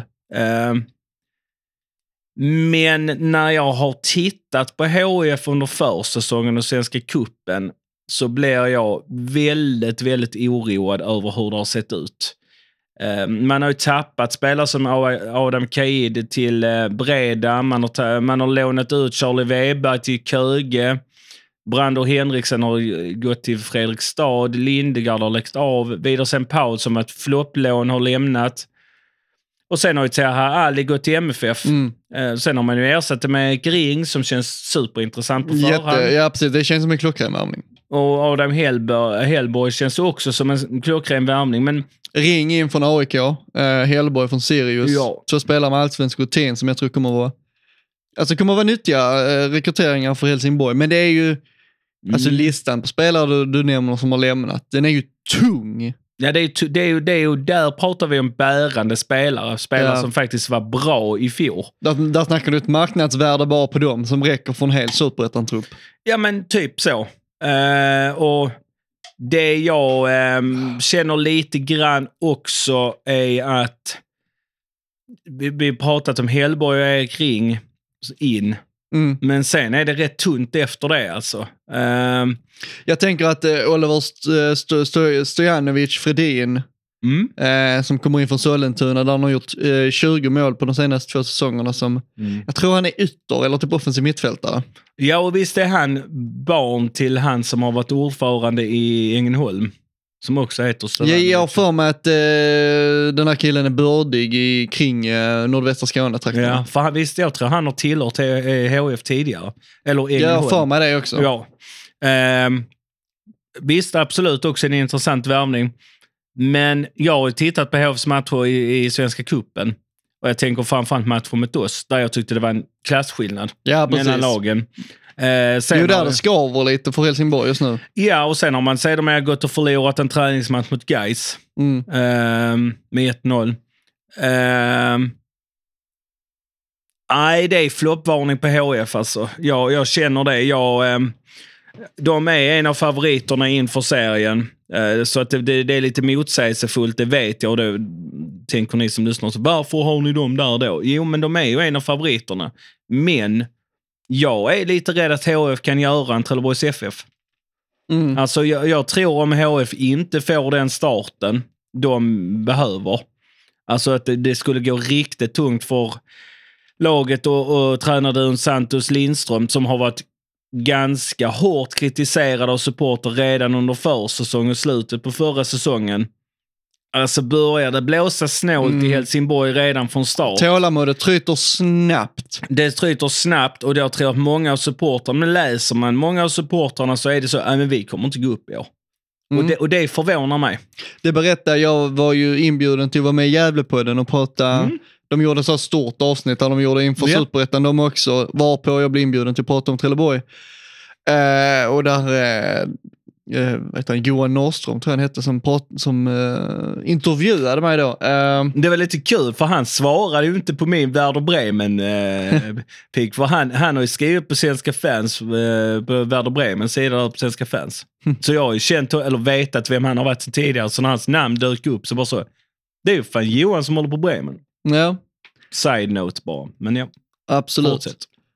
Eh, han var ju inne på det, för han hade ju pratat med Helsingborg innan mig Mm. och sa att eh, Helsingborg, de ville väldigt gärna lägga över favoritskapet på Trelleborg istället. Va? Ja, de ville väldigt gärna putta det på oss istället. Att nej, nej, nej, de är mer favoriter än vad vi är. Ja. Jag, jag gillar favoritskap. Jag tycker att, Ja, det är bara att jag tycker att Trelleborg ska. Jag tycker att TFF ska tvätta bort att man vill vara underdog. Gå in, Embracea. Embracea det och sen så bara kör över skiten sen istället. Gör en uh, Halmstad som de har gjort något eh, år när de har gått upp. Ja, bara precis. kör över serien. Bara så. Färdigt efter typ 22 omgångar. Vad, vad tror du då om Wilhelm Löper som kommer tillbaka från skada? Ja, men han kommer ju bli den absolut viktigaste spelaren för HF. Mm. Men sen så pratar vi om en spelare, vi har inte nämnt Anthony van der Hoek. Han är gone nu. Mm. Funkade inte i allsvenskan, var mycket liv kring honom. Han ville bort och det var interna stridigheter kring Precis, honom. det blev lite Men Anthony infekterat. ja, men fortfarande var Anthony van der Hoek anledningen till att HIF fick upp senast. Han och Willem Löpers samarbete när Löper slog inlägg på hans skalle. Ja, precis. Det var ju så de tog sig upp i allsvenskan. Nu har man kvar Rasmus Jönsson som en kulturspelare, men han, han är inte den spelaren han var tidigare. Det var ju länge sedan. Men det kommer ju vara Rasmus Jönsson, Willem Löper, eh, Charlie Weber förstår inte varför han lånas ut. Är Högst oklart varför han lånas ut. Tycker det är en jätteduktig mittback. Ehm, Man har ju kvar Amar Mus- Musin som eh, gjorde succé i AFC förra året. mm. Som gick till HIF. Eh, var, var, var, väl ganska duktig i Allsvenskan för dem, men eh, det räckte ändå inte till. Nu, nu, är han tillbaka i Superettan han gjorde 12 mål på 18 matcher för AFC innan han gick till Helsingborg förra sommaren. Mm. Så där, har du, också, så där är ju mycket, det är ju mycket kapital att plocka från i Helsingborg. Ja, men det är där, men jag... ehm, mm, Men sen måste klä- det, liksom, det måste kugga i direkt. Det måste kugga i direkt för HF om de ska tillhöra denna kategorin. Jag tror att jag tror inte det blir som sist när, de, när vi kvalade oss upp och de blev femma, sexa. Jag tror inte de blir det, utan antingen går de upp eller så blir de, får de det riktigt jävla jobbigt i år. Mm. Alltså. Jag, jag tror verkligen det. Ehm, för jag tror från supporterhåll, även om nu de som har pratat från Helsingborg i, i Gävlepodden, eller nu, nu har jag dålig koll och det får jag väl be om ursäkt på, för, på förhand. Vad heter eh, podden som de gör? Gävle, ja Gävle på den. Med, Det var rätt. Ja, med gammal stavning så det är Gefle. Geflepodden. Ehm, nej, men jag ehm, känner väl lite generellt att HIF, det kan bli jävligt bra, men det kan också bli jävligt dåligt. Typ så. Absolut. Mm. Ska vi hoppa vidare till tredje laget då? Ja. Sundsvall. Ja. Vad vet du om Sundsvall på rak arm? Eh, Erik Andersson. Eh, Alexander Blomqvist. Alexander Blomqvist. Ehm, ja, vad vet jag mer om Sundsvall? Ja, alltså, Det är nej. anfallsduon Helenius, ehm, Helenius, oh, hjälp mig. Engblom. Engblom. Det var ju Eh, de två som tillsammans... Eh, eh, Johan Martinsson. Ja, ja just det. Supporten. Fina Johan Martinsson. Ja. Underbara goa Johan Martinsson. Det är nog det jag tänker först när jag tänker på Sundsvall. Tänker på Johan Martinsson. Ja, det är bra. Fina han. Nej, men skämt åsido. Nej, men ja, men Engblom, Hallenius, ehm, den hårt arbetande Erik Andersson på mittfältet. Ja, Så lite skeptisk ut. ja lite. Eh, nej, men det, det, det är de jag tänker. Ska det bli året för Erik i år? Där han blommar ut och gör 20 poäng i Superettan. Ja, vi får väl se. Det blir, lär det ju inte bli. Eh, det är lite roligt eh, nu när Linus Hallenius är tillbaka från sin skada. Eh, 2021 var det ju mycket samarbetet Hallenius-Engblom som sköt Sundsvall upp i allsvenskan. Ja. Sen skadade sig Hallenius, spelade ingenting för säsongen, spelade väldigt lite, jag vet inte exakt om han kom till spel alls. Sundsvall rätt ur hur som helst. Mm. Och nu är de tillbaka i superettan med, jo, Engblom Hellenius på så. De gjorde väl typ en lika dålig säsong som vi gjorde 2004. Typ ish. Ja, de sög eh, röv, det gjorde de. Jag tror rent alltså, poängsnittmässigt att de gjorde till och med en sämre säsong eftersom vi numera spelar 20, eller 30 omgångar. Vi spelar 26. Ja, 20, i snittpoäng kan det väl vara så. Mm, jag tror de Men gjorde- Gais eller Örgryte, eller någon av dem har varit sämre än vad vi var 04 också. Är det så? Falkenberg också. Jag tror Falkenberg har varit sämst någonsin. Det är ändå skönt. Ja, det är ändå skönt. Det, det är ändå så att man ska inte släppa den liksom. Ja. Nej, men, men Sundsvall vet man inte riktigt. Um, Sundsvall brukar ju vara bra i Superettan. Mm. Eh, de brukar alltid vara ett habilt topplag när de har trillat ur. Ehm, har inte jättemycket så här... Jag, jag tänker att mycket är vunnet på Linus Alenius, Pontus Engblom, forwardsparet. Eh, som i praktiken skulle kunna göra 30 mål. Är det något nyförvärv? Ja, Dusan Jajic. Just det, från VSK ja. Mm. Ja, han får man inte glömma. Han är ju en sån man som känns som att, får han bara det till att stämma, BP-fostrad va? Ja men precis. miss- precis. mig. Det är väl så. Ehm, alltså han känns som en sån lirare som kan få ett sånt genombrott och så gör han typ, nej men han kanske gör 20 poäng. Ja absolut. Alltså det känns lite så. Han kanske står för så här 12-13 assist till Engblom eh, Alenius. Absolut. Han känns ju definitivt eh, alltså, så, som en spelare som borde varit i Allsvenskan redan. Kanske, kanske borde gått upp med BP i år.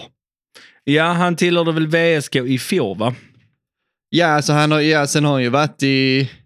Han har ju kört superettan några år och varit väldigt framstående i, i stort sett alla klubbar han har varit i på superettanivå, men, men ändå liksom varit kvar i, i, i serien. Eh, så det, det är ju liksom en, det är en toppspelare med superettan, men dels André Alsanti-nivå, tycker, jag tycker han är på den nivån. Mm.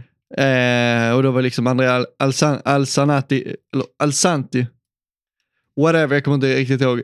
Han var ju kanske bäst av mittfältaren i hela superettan förra året. Mm.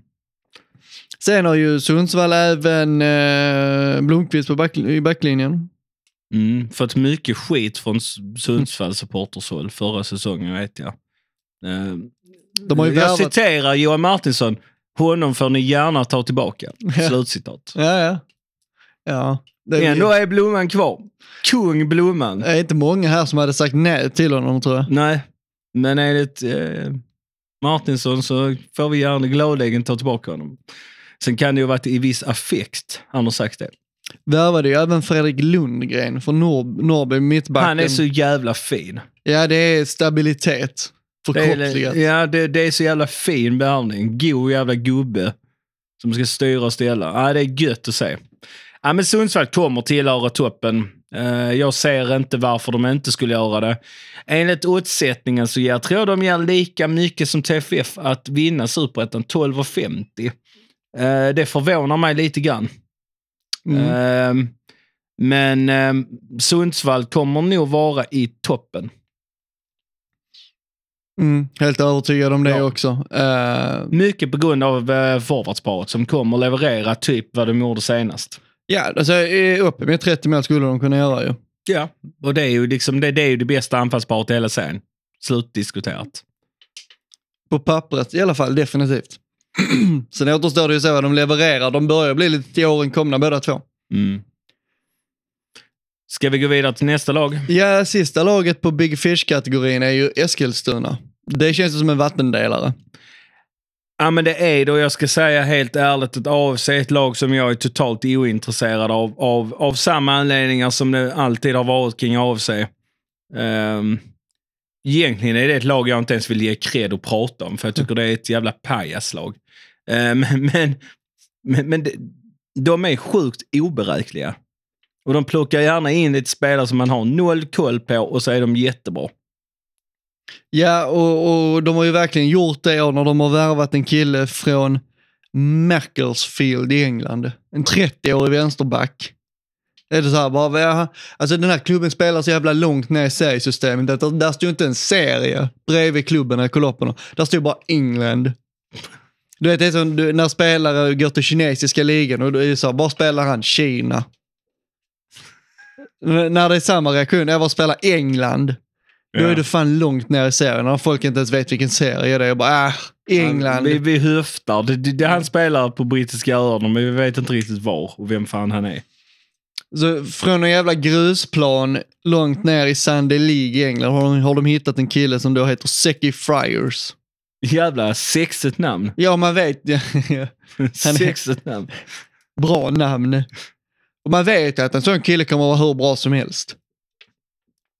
Ja. Eskilstuna är ju lite så här, de Han, han kommer värvar... leva på sitt namn i alla fall. Seki Friars.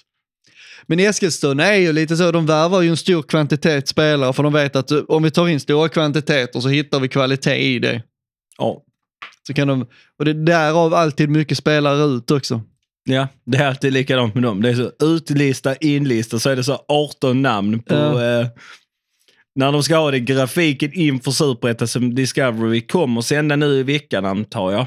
Ja. De har väl inte haft upp Nej, det har de inte. Det hade, man väl, det hade varit ett jävla liv. Då hade de- man sett eh, han, eh, vad heter han nu, målvakten i HIF. Eh, Per Hånsson. Per Hånsson stå och prata och tippa superettan. Eh, det ska bli intressant att se eh, när han tippar HIF. Nej, men... ehm, ja, men då brukar det vara i grafiken. brukar de få ha typ så fem slidar med deras in och ut. De får förlänga avsnittet för att hinna ha med alla slidar med deras in och utspelare. Typ den nivån på det. De ha en som bara jobbar med att eh, skriva ner alla övergångar de har gjort. Ja, men lite så. Men AFC, ja. De har även vär- värvat en kille från USA som heter Marcelo Palomino. Det är också ett bra namn. Det är också ett Ja, sexigt namn. Ja, det är det. det är Från också- Houston. Ja. Så han draftades väl?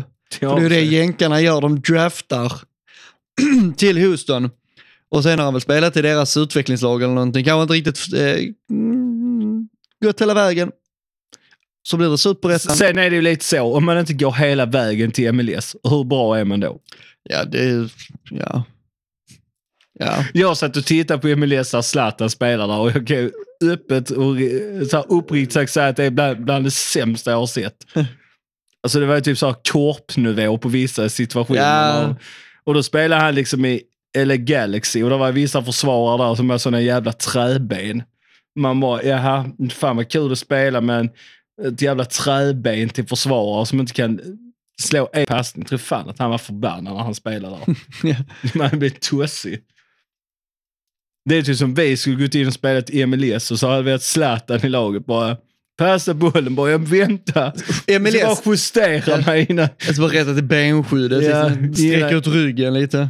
innan jag slår passningen. Och sen när man har passat bollen så får man sig en jävla utskällning för att den inte var tillräckligt hård eller lång. Ja. Det var ju typ så när han lugna dig Zlatan, spelat fotboll i sju veckor, jag har precis börjat. Ja, men typ den nivån. Ja, men, men AFC är intressanta med just med värvningsprofilen. Annars, mycket in, mycket ut. annars kan den klubben fara åt helvete.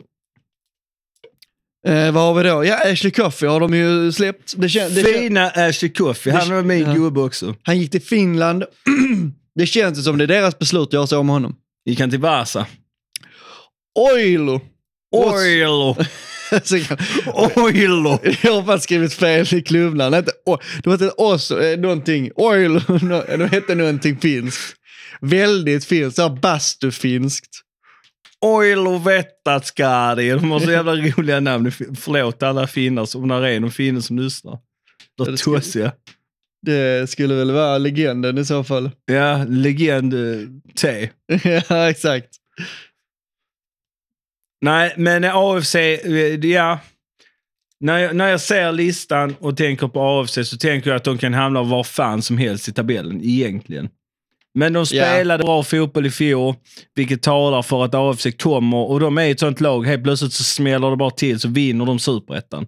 Det kan vara så i år. Ja, det kan utan tvekan vara, uh, vara deras år faktiskt. Det känns som vi garderar oss lite med AFC högt ifall de liksom så här skräller sig Ja. framåt. Bara så här att, ja nej, vi har inte tagit bort dem minsann för att AFC är AFC. Man vågar liksom inte riktigt tippa emot. Nej, man vågar inte sätta dem i botten för då går det käpprätt åt helvete. Då vinner de serien. Så de får vara i toppen. Ska vi gå vidare till nästa kategori? Det tycker jag vi gör. Ja. Och eh, nästa kategori är eh, en kategori vi döper till uppstickarna. Uppstickarna, där hittar vi Örgryte, Gais och Örebro. Mm. Eh, så båda Göteborgsklubbarna är i samma kategori. Ja. Och jag tänker att... Eh, jävla halsjävel. Får lite mer öl. På den Öis-snack vill jag ha en summering av oss som TFF. ja. Alltså de kunde ta upp i sitt inför Superettan och då svarade de att skicka en summering tillbaka till oss. Så jag tänker varför inte läsa den helhet och sen kommentera det. Mm. Eh, och på den Öis-snack summerar eh, Örgrytes försäsong och förväntningar inför säsongen så här. Stort nybygge i ÖIS när man ersatte tränaren Brynja Gunnarsson med Jeffrey Åbyn som man velat ha i flera år. Tron på Jeffrey är stor i och runt klubben. Många lyfter att det är en stor skillnad i inställning och mentalitet. Mer professionellt. Många lyfter även nya fystränaren Oskar Ljungblom. Fått in en hel del intressanta unga spelare från Malmös akademi, där Amel Mujanic stuckit ut mycket på försäsongen. Kommer bli, bli viktig i sin roll som tia där han fördelar mycket bollar och är väldigt delaktig offensivt. Även Linus Dagesson från Djurgården har sett fin ut, kommer bli viktig som högerback. Ett som kan bli succé om allt träffar rätt är Mubarak Nu, men han kan också bli rätt anonym. Lagkapten Daniel Paulsson har fått byta kanten mot mitten när han under försäsongen spelat som sexa. Han kommer in i det bra i den rollen och följer även med uppåt och sköna distansskott även om han behöver slipa lite på finishen. Isak Dahlqvist har fortsatt att förstå under försäsongen och kan utvecklas till en av våra absolut viktigaste spelare under året. Även mittbacksparet Jonathan Asulaji och Marcus Haglin Sangre har tagit för sig och kanske tillsammans bildar sig en starkaste mittbackspar. Första matchen på försäsongen så fina ut med fint spel. På senare, senaste tiden har vi haft många fina tendenser i spelet men saknat skärpan i offensiven. Individuella misstag har gjort att vi förlorat och släppt in mål. Förhoppningen är att nyförvärvet och skyttekungen från ettan södra i fjol, Noah Kristoffersson, ska kunna börja leverera mål framöver. Ett stort plus är att vi fått in målvakten Mattias Nilsson som varit riktigt bra under försäsongen och varit grym i Öster de senaste två åren.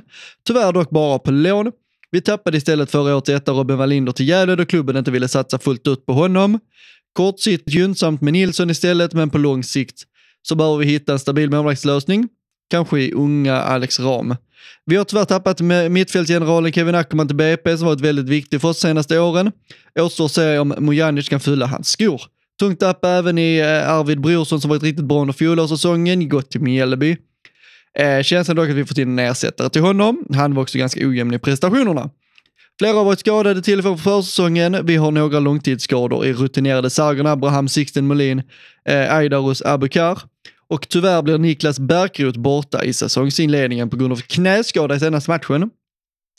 Osäkert också med nyförvärvet Jonathan Drott, som än så länge inte spelat något på grund av tidigare skada. Sammanfattningsvis är förhoppningen och målsättningen att klubben ska vara på en helt annan plats i år jämfört med i fjol. Målet är att vara med så högt upp som möjligt och att varje dag ta steg mot att ta sig tillbaka till allsvenskan. Förhoppningsvis support, förhoppningen från supporterled är densamma. Vi ska vara där uppe. Så summeras det från ÖIS eh, snack och jag kan ju säga Ja, jag red, redan nu att min egen, eh, min summering som jag skickat till Örgryte om TFF var betydligt mer negativ än deras till oss. Vilken surprise! N- När har vi varit jättepositiva? Det, det har inte hänt än i den här podden. 2021 inför superettan. Ja, det var vi. Men, men sen under säsongen har vi ju... Har det skitit sig. Ja. Eh, Ja, men jag håller med. Amel Jag- Mijanic om, om, omnämns mycket. Ja, men han, men jag har hört väldigt mycket gott om honom. Jag har ju en kollega på jobbet som har gått på ett idrottsgymnasium som också känner till honom. Som nämnde honom för mig. Eh, som en bra, god gubbe, positiv eh, ambitioner. Så jag är inte superförvånad att han, eh, om han skulle bli en upcoming man i detta året i eh, Superettan. Jag skulle nog hålla honom som en av de utropstecknen när vi summerar säsongen, faktiskt. Eh, en spelare jag gärna hade sett att TFF hade knutit till sig. Jeff Robin har nu varit väldigt kvick med att plocka sina spelare, så att säga, eh, till ÖIS. Ja, det är väl han tror- känslan. Ja, eh, och de som inte har väg kvar. Eh, det är också så. Vissa har kanske inte velat flytta till Göteborg. Och till ett ÖIS som vacklar, som inte går spikrakt framåt. Har också hört mycket kring Jeff Robin, att han har en jävla bra approach när det kommer till att vara professionell. Eh, att man har ju som jag har förstått det så äter man middagar tillsammans, man har långa träningsdagar där man liksom umgås för att få ihop gruppen. Så var det tydligen tidigare inte alls i Örgryte, utan man tränade och sen gjorde man ingenting mer tillsammans. Ehm, nej, men jag tycker det är en bra sammanfattning. ÖIS är ju ett lag som mycket väl skulle vara uppe på Big Fish, enligt mig. Ehm, sen landar vi ju någonstans i Noah Kristoffersson. Blir det... Såklart. Blir det en sån här dundersuccé där han bara eh, gör en Viktor Edvardsen, eh, bara öser in mål i superettan och sen tar klivet upp i allsvenskan? Ja, det kan det bli. Det kan också bli en, en säsong som för vår kära vän André Reinholdsson som öste in mål i Oskarshamn, fick en skada, inte kom in i flytet och sen så blev det inte någonting. Ehm, Ja, men precis. steget från division 1 till superettan, det känns som det är lite 50 50-50 om man tar det med... eh, Det, det känns så. Man behöver ha rätt flow när man kommer in. Man behöver göra mål direkt, tror jag, när man är lite yngre. Eh, nu är det en otroligt stor press på Nils Kristoffersson. Jag kan ju säga rakt upp och ner att han var ju en hårsmån från att gå till Geis. Det var typ i stort sett klart med Geis. Mm. Blev Örgryte. Det Mm. var liksom, ja, nästan bara till att signa ett kontrakt med Geis Och så blev det Örgryte. Um, lite en annan approach kanske.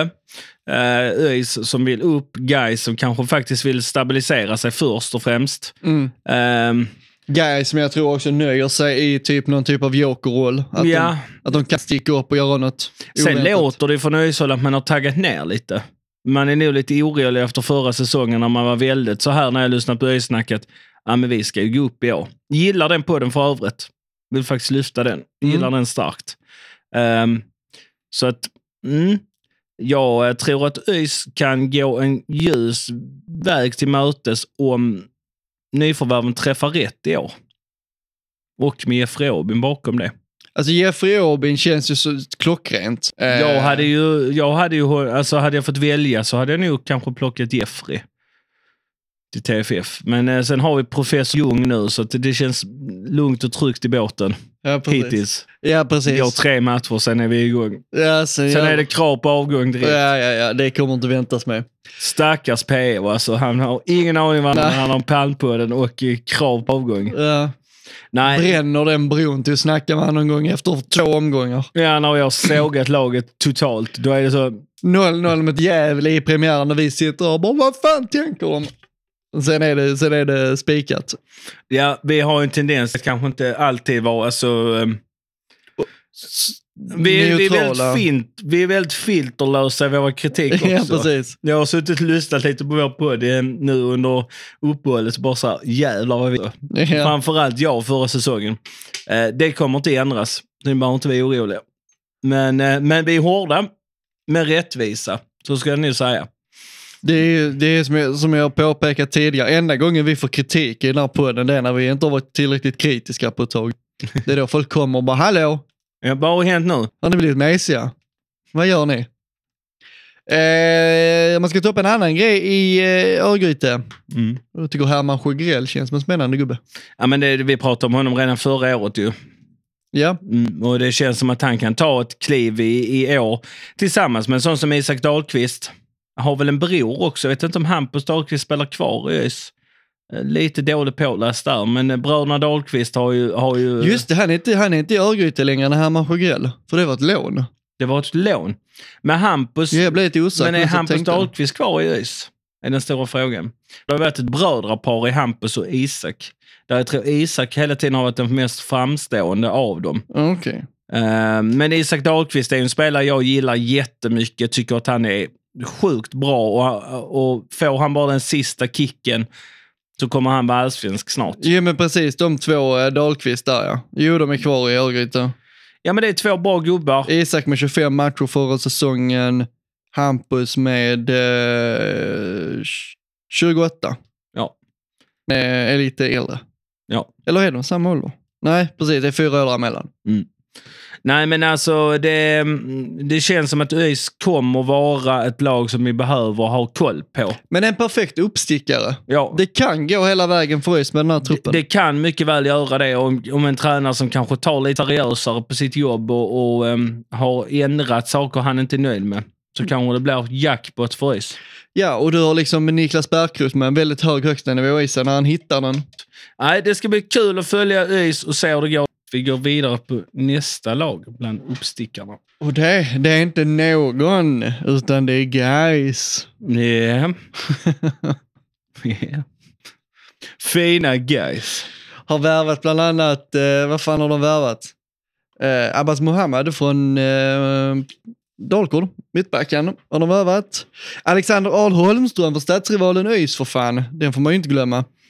Och eh, Eriksson Binako, ytterbacken. Från Norrköping, va? Mm, precis. Mm. Det var ju inte en, eh, inte en Lidenvärvning. Nej, men det får man väl ändå säga att... ehm, Det känns lite eh, sträcka på ryggen och plocka in honom från Norrköping. men det är lite så att Vladimir Rodic light-version värvning. Ja, men lite. Lite så åt Det det smäller hållet. lite om det. Ja, men det gör det. Eh, och han kommer bidra med rutin som man behöver som nykomling. Eh, så jag tycker det är klockrent val att plocka in honom. Visst var Binaco i MFF en kort period? Va? Jag har för mig det. Det känns som det varit. Lyfte, flög inte där. Mm. Gick till Norrköping. Var väl i Norrköping, gick utomlands. Kom tillbaka och var i MFF, floppade och gick till, eller flopp, flög inte och så gick han tillbaka till Norrköping. Mm. Så kan tror, det nog ha var, tror varit. det var så. Mm. Eh, nej men Gais är ju, eh, som jag sa innan, nära att plocka in eh, Noah Kristoffersson. blev inte så. Plockade in Al Holmström, kanske en ren revansch. Ja. Så här, ma- nu jävlar, då tar vi någon från dem istället då. Ehm, och Al Holmström eh, har man lite traumatiska minnen på när man tänker som TFF på honom. Gjorde hattrick när han spelade AFC mot oss. ja, precis. Sen har det ju inte flugit för honom överhuvudtaget. Alltså jag, jag vet inte riktigt. Flyger det för honom så gör han 15-20 mål, men han kan också hamna på tre. Det, det, är liksom svårt att placera. Det, det är svårt att dra en slutsats kring hur bra han är som forward, trots att han har varit ett par år i Superettan nu och har faktiskt haft en succésäsong vid sitt Mm. namn. Men det känns ändå som man går där och tänker, ah, Mm, Ah. mm. det är lite Douglas Karlberg. Ja, men det är det. Uh, och guys, det är sjukt svårt, sa jag till dig innan vi började podda idag, och, och summera de eller, eh, division 1-lagen som har gått upp. Gävle och guys. Um, Tre år i rad är det ju division 1-lag som gått rakt igenom upp i allsvenskan. jag det tror känns den inte, ja, precis, det känns ju inte som det blir så i år. Nej. Jag, jag kan svära på att det blir inte så i år. Det är Jag ju... gör det redan nu. Det Men- blir inte så i år. Och sen har ju Gais ändå, menar man har Wangberg, han, han är ju en duktig, duktig spelare på den här nivån. Man har Al Holmström, så att han prickar formen. Binaco i backlinjen, Mervan Selik. Det, det, ja visst, vi säger det. Vi kan låtsas. Dennis har ju sågat Mervan Selic ett par gånger i podden. Ja, men det är ändå en spelare med en hög högsta nivå om man väl skulle hitta den. Så är det ju. Men eh, ja. Jag- Man är inte helt såld. Nej, man är inte helt såld. Jag, jag blir inte det på guys. Men sen samtidigt har värvat tillräckligt robust för att de ska vara minst ett mittenlag och kanske Mm. faktiskt vara med där. Bra av att de är med i uppstickargänget. Kommer du ihåg vad som summerar hela deras försäsong med dunder och brak? Och nu måste det vara vinsten mot HF. Eh, vinsten mot IFK Göteborg. I kuppen ja. Ja, de, De, vann. slog ju... Sen säger det ju en del om IFK Göteborg, tror jag. Mm, Hur svajigt är i IFK och vilket ledde till att Stare fick sparken. mm, precis. Det blåste redan snålt redan när försäsongen eh, började. Tengan är kvar i Göteborg va? Ja, han är, han är där ännu. Han är kvar och regerar. Har de en ny huvudtränare än? För annars är det väl han som styr skutan fortfarande. Det var väl snack om att de hade plockat in någon. Kan inte svära på det. Men nu pratar vi, eh, så får vi eh, låta vara Ja, vi får gå tillbaka till uh, Gängans Angels. Nej sen. men, eh, nej men jag tror att guys, eh, det, det blir antingen så blir det mitt, eh, ett mittenlag eller så blir man eh, när man är med lite grann. Typ som Skövde. Mm, lite, kan kanske st- studsa på ett liknande sätt. Ja. Har inte jättemycket mer att säga om guys tyvärr. Nej, men det bör man väl inte ha. Nej, det är ändå guys. Sista laget här på uppstickarlistan är ju förstås eh, Örebro. Ja. Skulle väl kunna, enligt vissa hade de säkert placerat bland favoriter, Big Fish. Mm. Men jag tänker att det kan, det bör de väl inte göra. Nej. Alltså jag tror att det är för svajigt i Örebro rent generellt. Det Så mycket spelare ut och så. Och så. Ja, det är det jag liksom tänker. Att det är väldigt mycket spelare ut, väldigt få spelare som känns superintressanta in. Alltså du har ju Mm. ut eh, Benjamin Hjertstrand, Jiloan Ahmad, Kevin Kustovic. Det var där är ju en del spelare som, alltså d- där var det var ju mycket speltid på dem förra säsongen. Mm, mm. Och sen Jag trodde in, faktiskt att Simon Amin skulle landa där när han lämnat. Ja. Sen in, det är ju liksom, när, när de namnen försvinner förväntar man sig stora namn in. Mm. Men där har vi Sebastian som kommer in, inom mitt fält, som kommer in från J Södra. Han är duktig. Ja det är han, men Han det, är det är ju kanske inte en superettan-vinnare. Han har ju spelat superettan i många, många år nu. Ja, ja. Och med många olika klubbar. Adam Berg kommer in från Motala, en anfallare. Eh, och så Viktor Backman, en mitt de har hittat i Kalmar, som är 21 år. Eh, lite andra spelare är där ju, men liksom om, om man ska ta, försöka hitta någon noterbar så är det ju de tre. Och det, det säger ju en del när man liksom skapar ytan för att hitta noterbara värvningar och Sebastian Krona är liksom vad man kommer fram till. Ja, och det är väl det som någonstans kanske talar emot Örebro, att man eh, har kanske inte laget för att gå upp i år. Sen har man ju Erik Björndal, forwarden, gjorde ju succé för två, två år sedan när han var på lån i Västerås. Och sen åkte Örebro ut och då tänkte man väl sig lite grann att okej, men nu har vi tillbaka Björndal från det där lånet. Nu kommer han fortsätta göra sin målsuccé för oss och det gjorde han inte. Nej. Tufft fjolår för honom och ja, det känns ju för en 32-årig Erik Björndal som att om hans karriär ska fortsätta på elitnivå så får han, måste han göra en bra säsong i år. Ja. Eh, Jag tror kring Örebro att eh, målsättningen från supporterhåll är ganska hög ändå Mm, trots allt. Men ehm, ja, och de kommer vara starka hemma på konstgräsplanen på Bern Arena såklart i vanlig ordning. Men, men jag, ja, jag ser inte riktigt dem att de kommer... Den enda platsen de skulle kunna Vi, vi satt och diskuterade innan. Det är väl AFC kanske. Alltså man flyttat på AFC och Örebro. De andra lagen känns rätt stenklara där i jämförelse med Örebro. Det är min slutsats. Men hur, hur, hur balanserar man, skulle du säga, att vara, ha den interna pressen som man ändå har från supporterled, Mm, att det ska, mm. måste bli en bra säsong, med att du har det här transferfönstret i ryggen från Örebro. Ja, men, För de som leder Örebro kan ju inte själva känna att ja, men det här laget går vi hem superettan med. När de ser vad Öster gör till exempel. Nej, man tänker ju så. Att, att man lite grann bara så här, jaha, det här blev inte riktigt som vi hade tänkt oss när vi tittar på våra konkurrenter som Mm. har värvat in bättre och mer ja, men bättre spelare helt enkelt på förhand. Eh, sen är det ju så, vissa kommer ju från lägre divisioner och gör succé. Kanske Örebro en annan approach som vi inte känner till. Det är ju inte så att vi är sönderlästa på alla lag. Det kan vara någon spelare vi har missat helt. Som Fast jag menar, du har ju en Jackie Larsson där till exempel, Nej, fin. som har, varit, som har levererat ganska bra i allsvenskan. Men hur, har han, hur kan han vara kvar i Örebro? Det är väl en... Eh, Ja, men det är en sån ja. jävla gåta. Vad fan gör han kvar i Örebro? Ja, det... Vem fan vill vara där? När man är i hans ålder. Men det var ju, eh, jag tror att hans bror dog eller något sånt också. Så det är typ en massa så personliga Okej. grejer inblandat kring honom. Så Ja, det gör att ja. jag tror att han inte vill flytta på sig riktigt. Nej, det för, om det är så så för, förklarar det ju allt i så fall. Men han är ju tillräckligt bra för att spela allsvensk fotboll. Precis, han borde ju vara i en allsvensk klubb. Mm. Och under andra förutsättningar. Jag, jag vet inte om det har eh, påverkat beslutet att vara kvar, men jag har för mig år, säsongen de åkte ur allsvenskan. Så dog hans bror, ja. Ja. Jag känner igen storyn. Ja. Ja, nej men det är klart.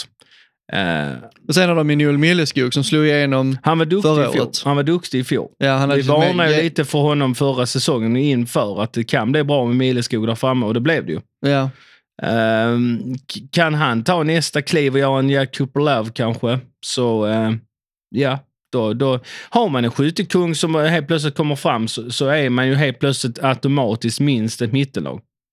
ja precis. Det, det, det förskjuter ju, eh, det ändrar ju allt. Ja, men då är man helt plötsligt åtminstone ett mittenlag och sen har man då andra spelare som också hjälper till, då är man helt plötsligt ett topplag. Har man ytterligare någon till då så vinner man serien. Som typ Sundsvall gjorde med Hallenius och, och Engblom.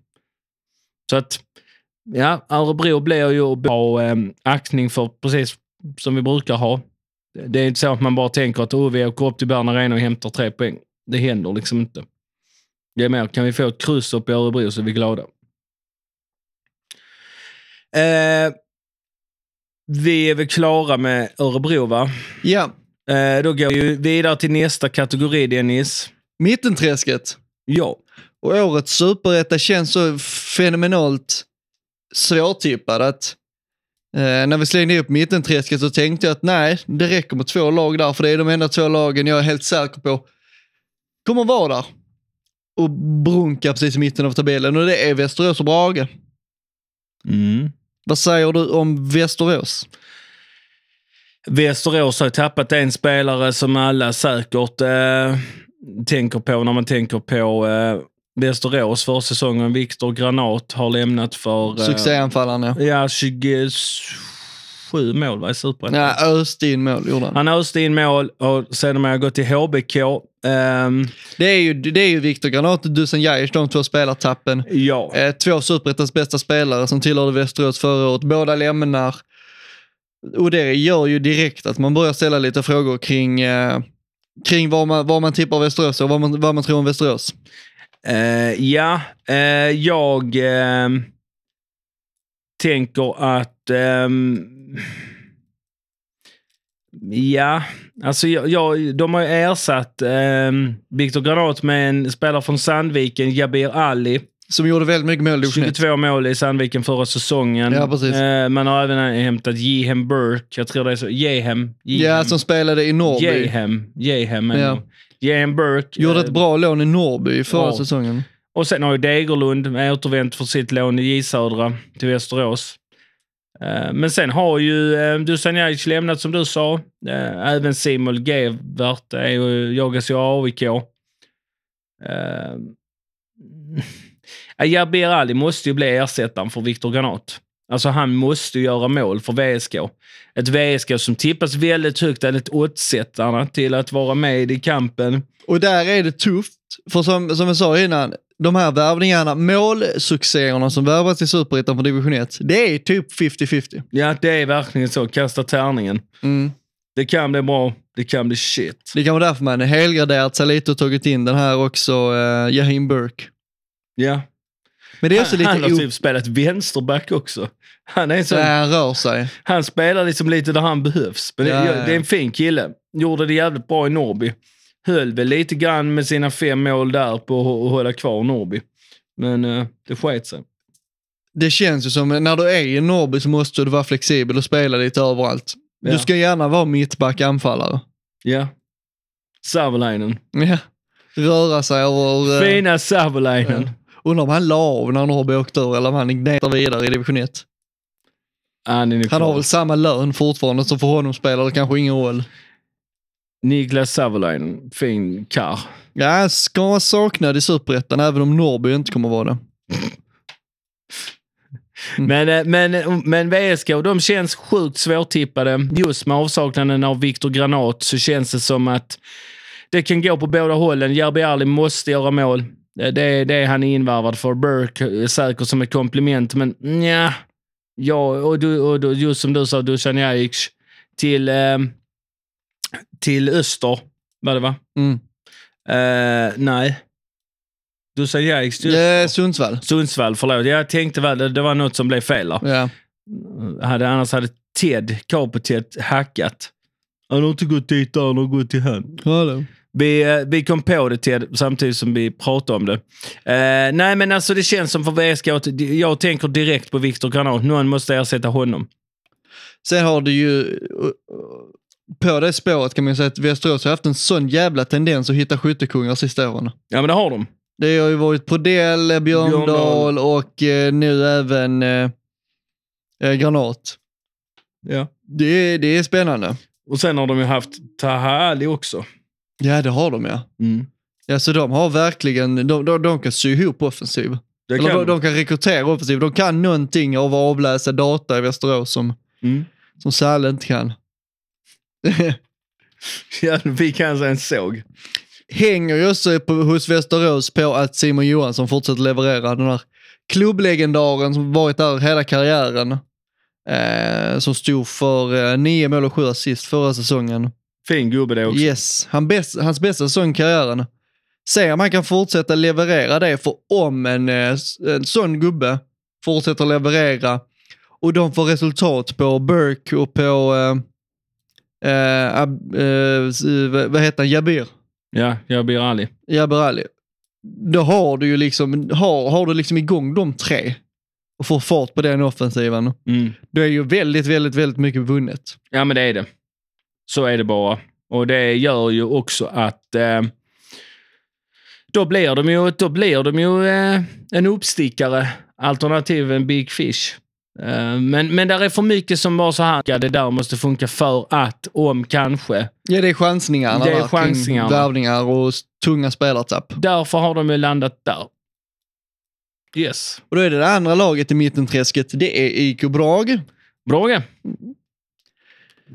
Eh, spontant stannar jag till vid att de har lyckats värva Emil Tott Wikström från BK. HBK. Ja, han är fin.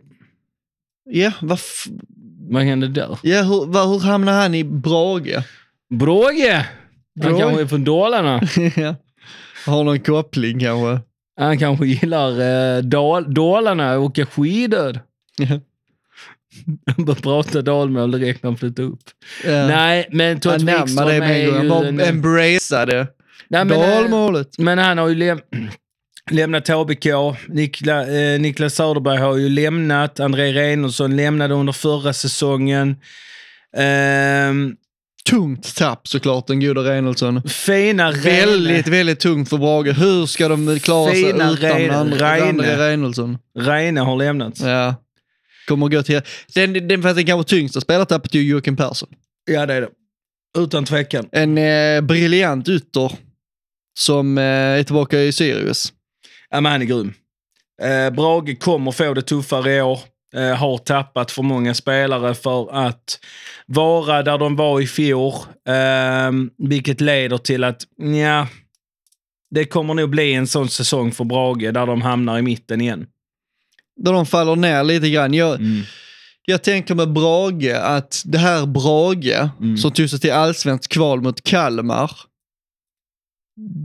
Det, den upplagan av Brage har liksom, typ, det har gått neråt sedan dess. Ja, men det har det. De har liksom inte, de har liksom inte kunnat återskapa den magin utan de, de pikade där. Ja, men det är en sån som Albin Lundin har ju lämnat också nu.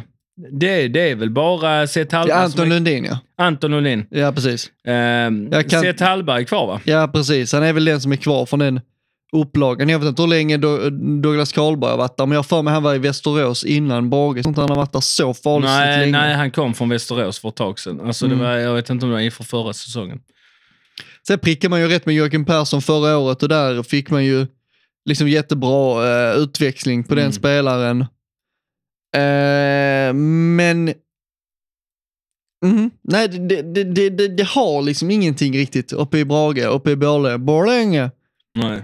Där finns liksom en del spelare som är värda att hålla ögonen på, en del spelare som kommer kunna göra en bra säsong. Emil Wik, eh, Tott Wikström Mm. är ju en, eh, en spelare som potentiellt skulle kunna liksom stå för 10 plus mål, i mål. Mm. Eh, Douglas Karlberg, samma sak. Om, man, om, om det liksom om det stämmer. Men det ska mycket till. Och någonstans kring tiondeplatsen känns det på förhand som man, man, man vill placera Brage på. Ja.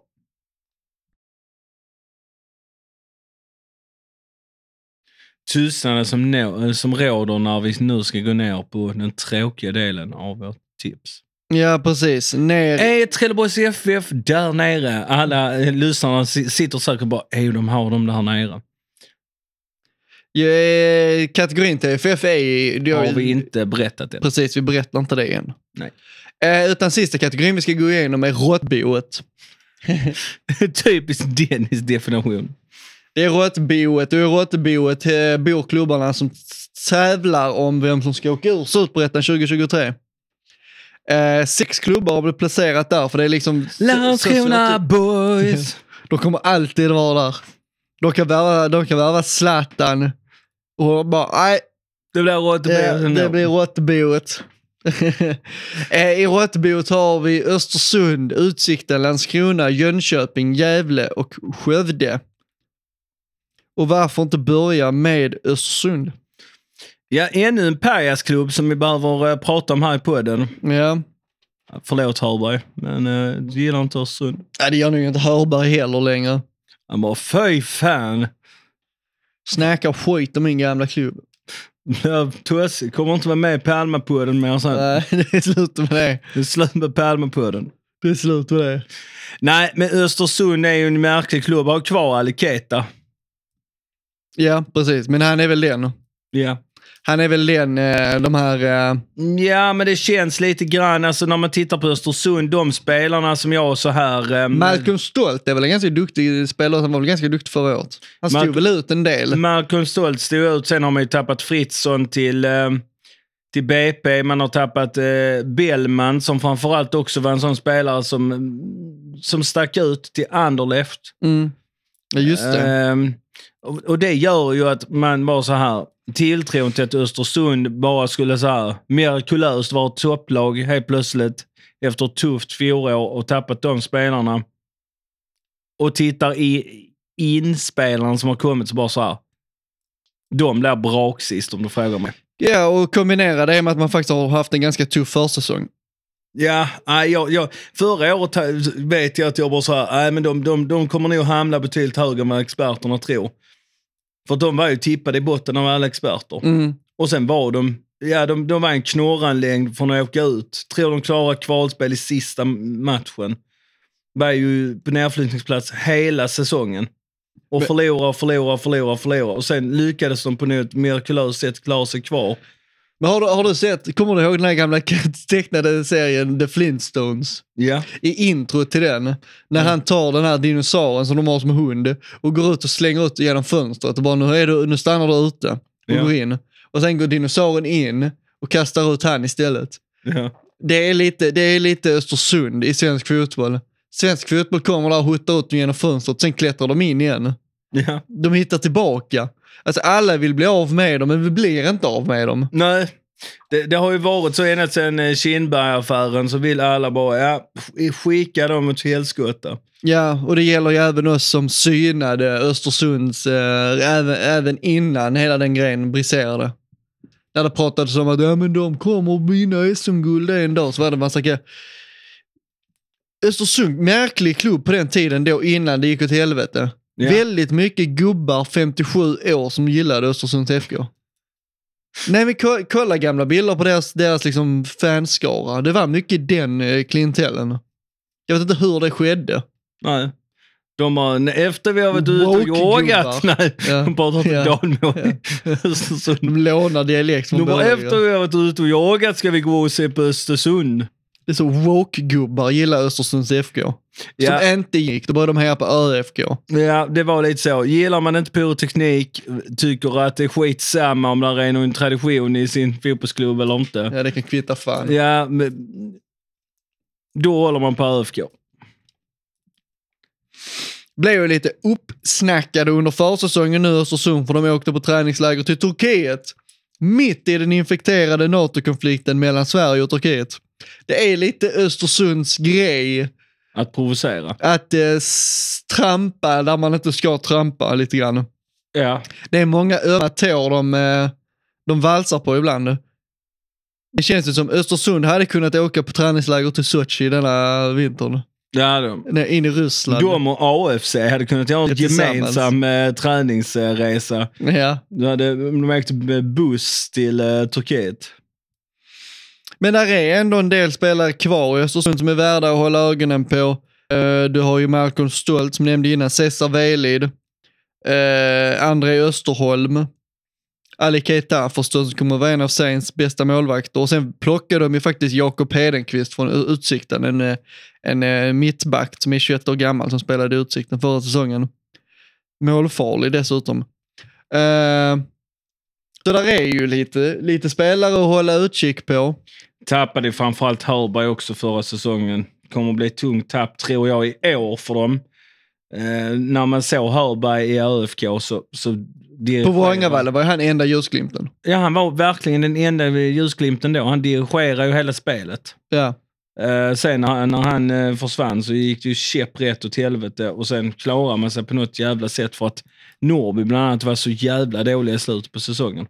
ja men man, det är lite deras grej tror jag. Lite så. ÖFK kommer tillhöra botten. Ska vi slå fast med det nu bara så här? Ja. Vi slår fast det. Jag tror kanske inte de, eh, de eh, hamnar på ned, någon av nedflyttningsplatserna. Men de kommer vara i botten. Det kommer de vara. Ja. Nästa lag ner i råttboet då. Inga mindre än Utsikten. Ja, och vad fan ska man säga om dem? Att de har värvat eh, Ivo Pekalski och Edin Hamidovic. Du vet, hade det där varit 2015 så hade man varit imponerad. Det är man inte riktigt nu. Nej, precis. Ivo Pekanski som kunde blivit så jävla bra om han hade haft bra läkekött och sluppit sina skador. För jävlar vad bra han var när han kom fram i boys alltså. En gång i tiden.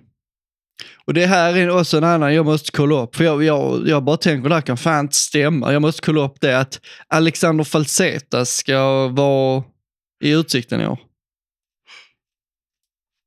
Då kör sånt riktigt pensionärsboende i råtthålet i Utsikten. Ja, precis. De bara samlar ihop gamlingarna där. De kör sån IFK Göteborg light. Vilka- Tillförlitliga Wikipedia går jag på. En svensk fotbollsspelare som spelar för Utsikten. Jo, då är han i Utsikten. Trevligt. Alexander Falsetas. Så då blir det väl han och Ivo Pekalski bredvid varandra som drar ljumskarna under årets Ja, för. Falsetas har ju tillhört bland annat i BK Häcken. Han var väl i deras guldlag. Ja, han var väl med där. Eh, så att, ja, spännande gubbe. Eh, annars då? Utsikten? Karl Boom. Ja, Carl Boom är en sån jävla gubbe. Han har eh, röjt runt lite i Göteborgsklubbarna. Eh, Ja, precis. Harvat där omkring. ja, och, och han är sån... Han, visst gjorde han lite mål i fjol? Ja. Han var lite utropstecken framförallt när de gick upp i Superettan. Ja, och sen började han väl rätt bra i fjol, har jag för mig. Mm. Och sen så sket det sig. Jag har för mig han var med så här, i toppen av skytteligan så här, topp, i början av serien och sen fejdade det liksom bara ut. Eh, Utsikten som spelade brutal fotboll förra säsongen, Ja. framförallt på bortaplan. Eh, Kom för att döda. Ja, vi, visst hade vi Utsikten i premiären Yes. förra året och det var ju ett slagfält i premiären där. Exakt. Det har ju varit premiärer för TFF med ett motstånd som man ska vinna sista åren i Superettan, som har blivit jävligt jobbiga Mm. premiärer. Som vi Norrby. preci- Norrby, som vi vinner precis, och likadant med Utsikten. Mm.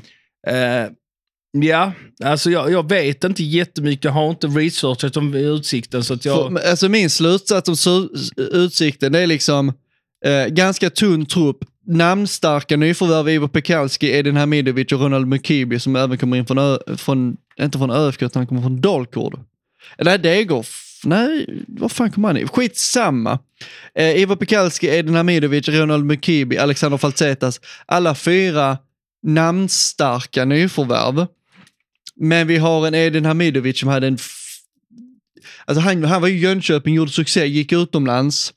Och det kändes ju liksom som så här, här, här är liksom en, en, en jävligt bra spelare. Sen gick det dåligt utomlands, han kom tillbaka till Jönköping, det fortsatte gå dåligt. Förra året gick det också dåligt. Till den grad att Jönköping inte trodde på honom längre, släpper honom. Ivo Pekalski åkte ut med Norrby förra året, där har han varit nyckelspelare i många år, kommer säkert vara nyttig i Utsikten. Eh, Ronald Bekiba jag har i stort sett inte hört så mycket om honom sedan han var i Östersund för ett par år sedan. Så min känsla med Utsikten är att man har gjort namnstarka nyförvärv, men det är ju spelare som väldigt tydligt är på väg neråt i karriären, eller har Ja, varit på väg neråt ja, i karriären ett ja. tag. Med undantag för kanske Alexander Falseta som trots allt var med i, i Häckens guldlag, om jag minns rätt. Mm. Men ändå 35 år och, och därigenom kommer han vara liksom på väg ner i någon mening. Och tittar man i övrigt i truppen i Utsikten så är det inte brett. Det är Karl Boom som känns som en ganska duktig spelare. Det är Albin Skoglund som känns som en ganska duktig spelare.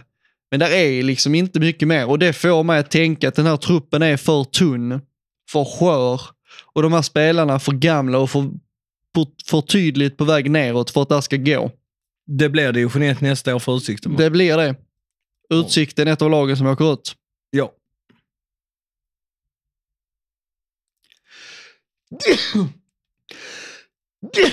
Helvete. Puss. Och om vi ska till nästa lag i uh. Skördeborg. Landskrona. Otippat att de hamnar där. Inte på grund av att de är så jävla dåliga egentligen spelmässigt, men de hamnar alltid där. Så är det. Ett Landskrona som, eh, ja, vad ska man säga om Landskrona Boys? Eh, Eh, har ju imponerat under de åren med... Eh, Billy.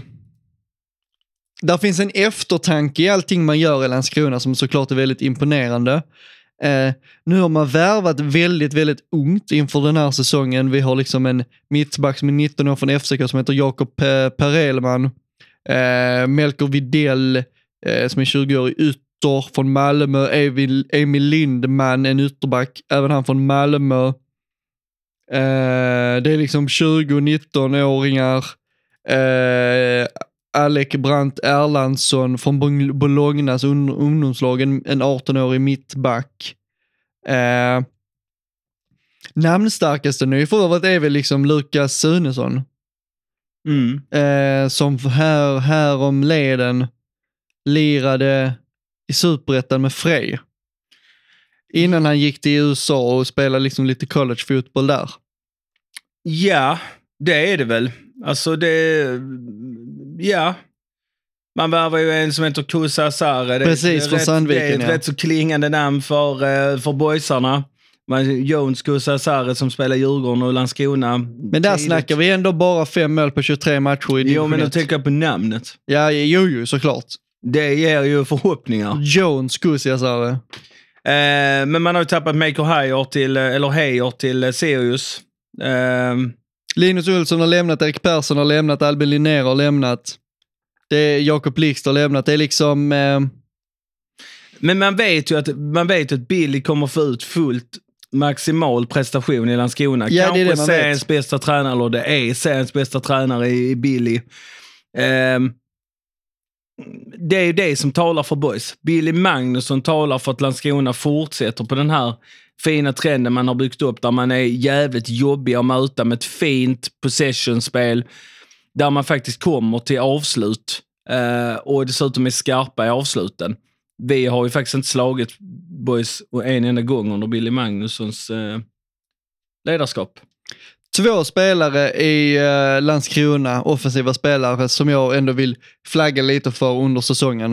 Och det är Robin Zabic och det är eh, Kamil Jebara. Ögdell hamnar inte där. Är han kvar? Ja, han, jo, han är kvar, men jag tänker framförallt på de två som, eh, som liksom så här väldigt framåtlutade spelare. Mm. Som jag tror skulle kunna vara utropstecken. Adam Egnell, absolut också. Jag gjorde trots att en ganska bra säsong i boys i fjol. Ehm, spelmässigt vet jag i alla fall. Och, ehm, men bo- boys, ehm, ja, nej, jag är för dålig på. Boys intresserar inte mig. Det som talar emot boys tycker jag det är bristen på rutin i truppen. Ja, men, och det, och det, det där har vi landat nästan varje år. Men, ehm, men i år ser det tunt ut på förhand. Kanske är det året där boys tar något kliv tillbaka. Har ju inte ekonomin till att hota i toppen. Därför så får man slå underifrån varje säsong. Någon gång blir det bakslag även för Billy Magnusson. Mm. Kanske blir det det i år. Vi får se. Jag tror inte boys åker ur. Jag tror inte man kommer vara nära att göra det. Men man kanske tar några pinnhål tillbaka i tabellen. Mm. Det känns lite tunt. Ja, jag skulle tippa att de hamnar på positioner precis ovanför kval. Mm. Jag tror, jag tror de klarar sig undan kval också, men jag tror att det blir på håret att man gör det. Nästa klubb till eh, rakning då, Jönköping Södra. Ja, och det var en klubb som satsade stenhårt i samband med att de fyllde 100 år i fjol.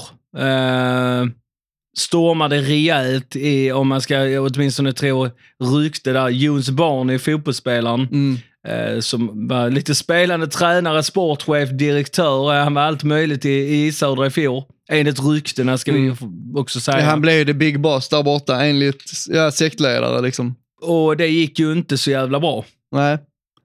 Eh, och J Södra är ju ett lag som man har förknippat med toppen av superettan tidigare.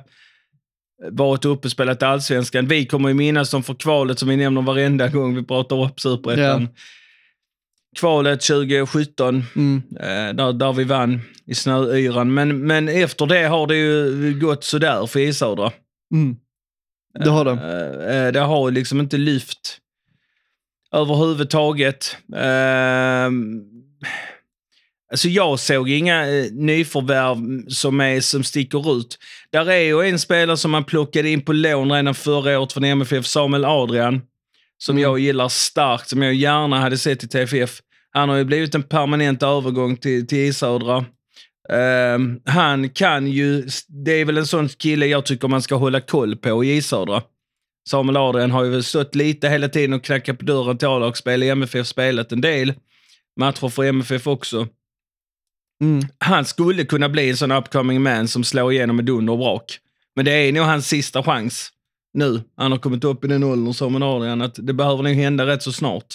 Jag skulle nästan säga att han är förbi den åldern nu. Ja, han är ju hända. förbi den, men, men det kan fortfarande hända att han kanske kan ta steg till allsvenskan. Ja, ja, oj, Och bli ja, en bra spelare i ja, ja, Allsvenskan. ja. ja, det är absolut. Eh, men, men annars, nej. Alltså, jag, jag tror som sagt man brände väldigt mycket krut förra året ekonomiskt. Man gick ju stenhårt för att gå upp och det blev ju totalt kollaps eh, där uppe. Eh, nej, jag ser ju inte vad som skulle tala för att man skulle helt plötsligt bara komma tillbaka. Överhuvudtaget. Nej. Alltså, jag ser absolut ingenting. Man har sköna ytterbackar i Malcolm Moensa och Jesper Mans. Jesper De Mans, pratar vi också om varje år. ja, Jesper Mans har flyttat tillbaka till Jönköping nu. Jo, men Mans och Moensa är sådana som vi har nämnt så många gånger i podden. Att, Ja. ja. det är fina gubbar.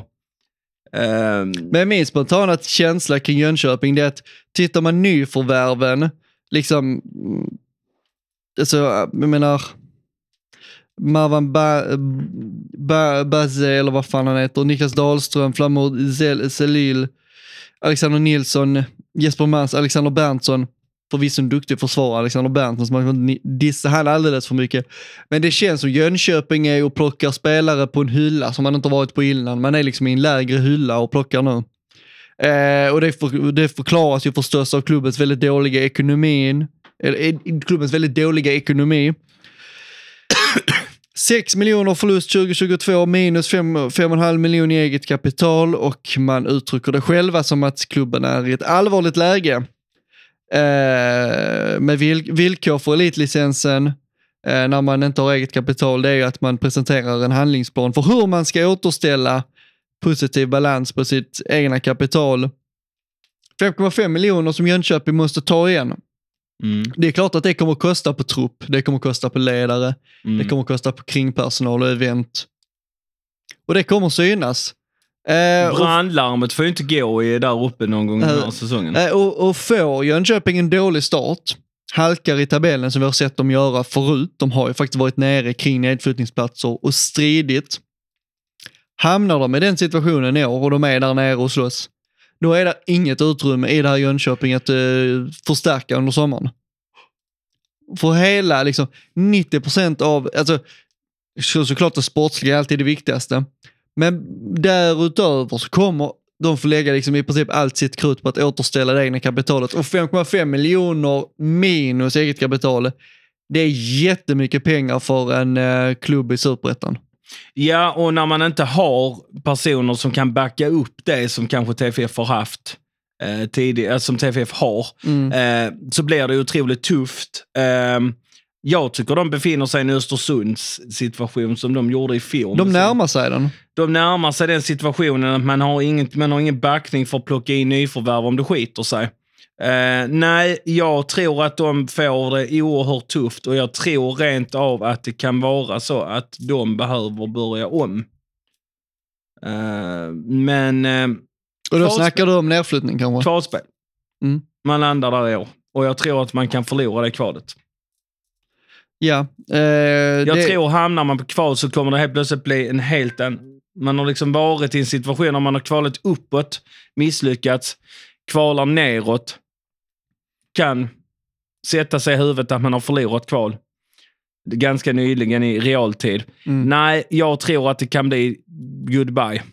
Svag trupp, ännu svagare ekonomi, det renderar ett uruselt Jönköping. Ja. Nästa trupp då har vi vårt Råttbo. Eh, näst sista laget vi ska gå igenom bland konkurrenterna. Har du koll på vem vi har kommit till? Nej. Gävle.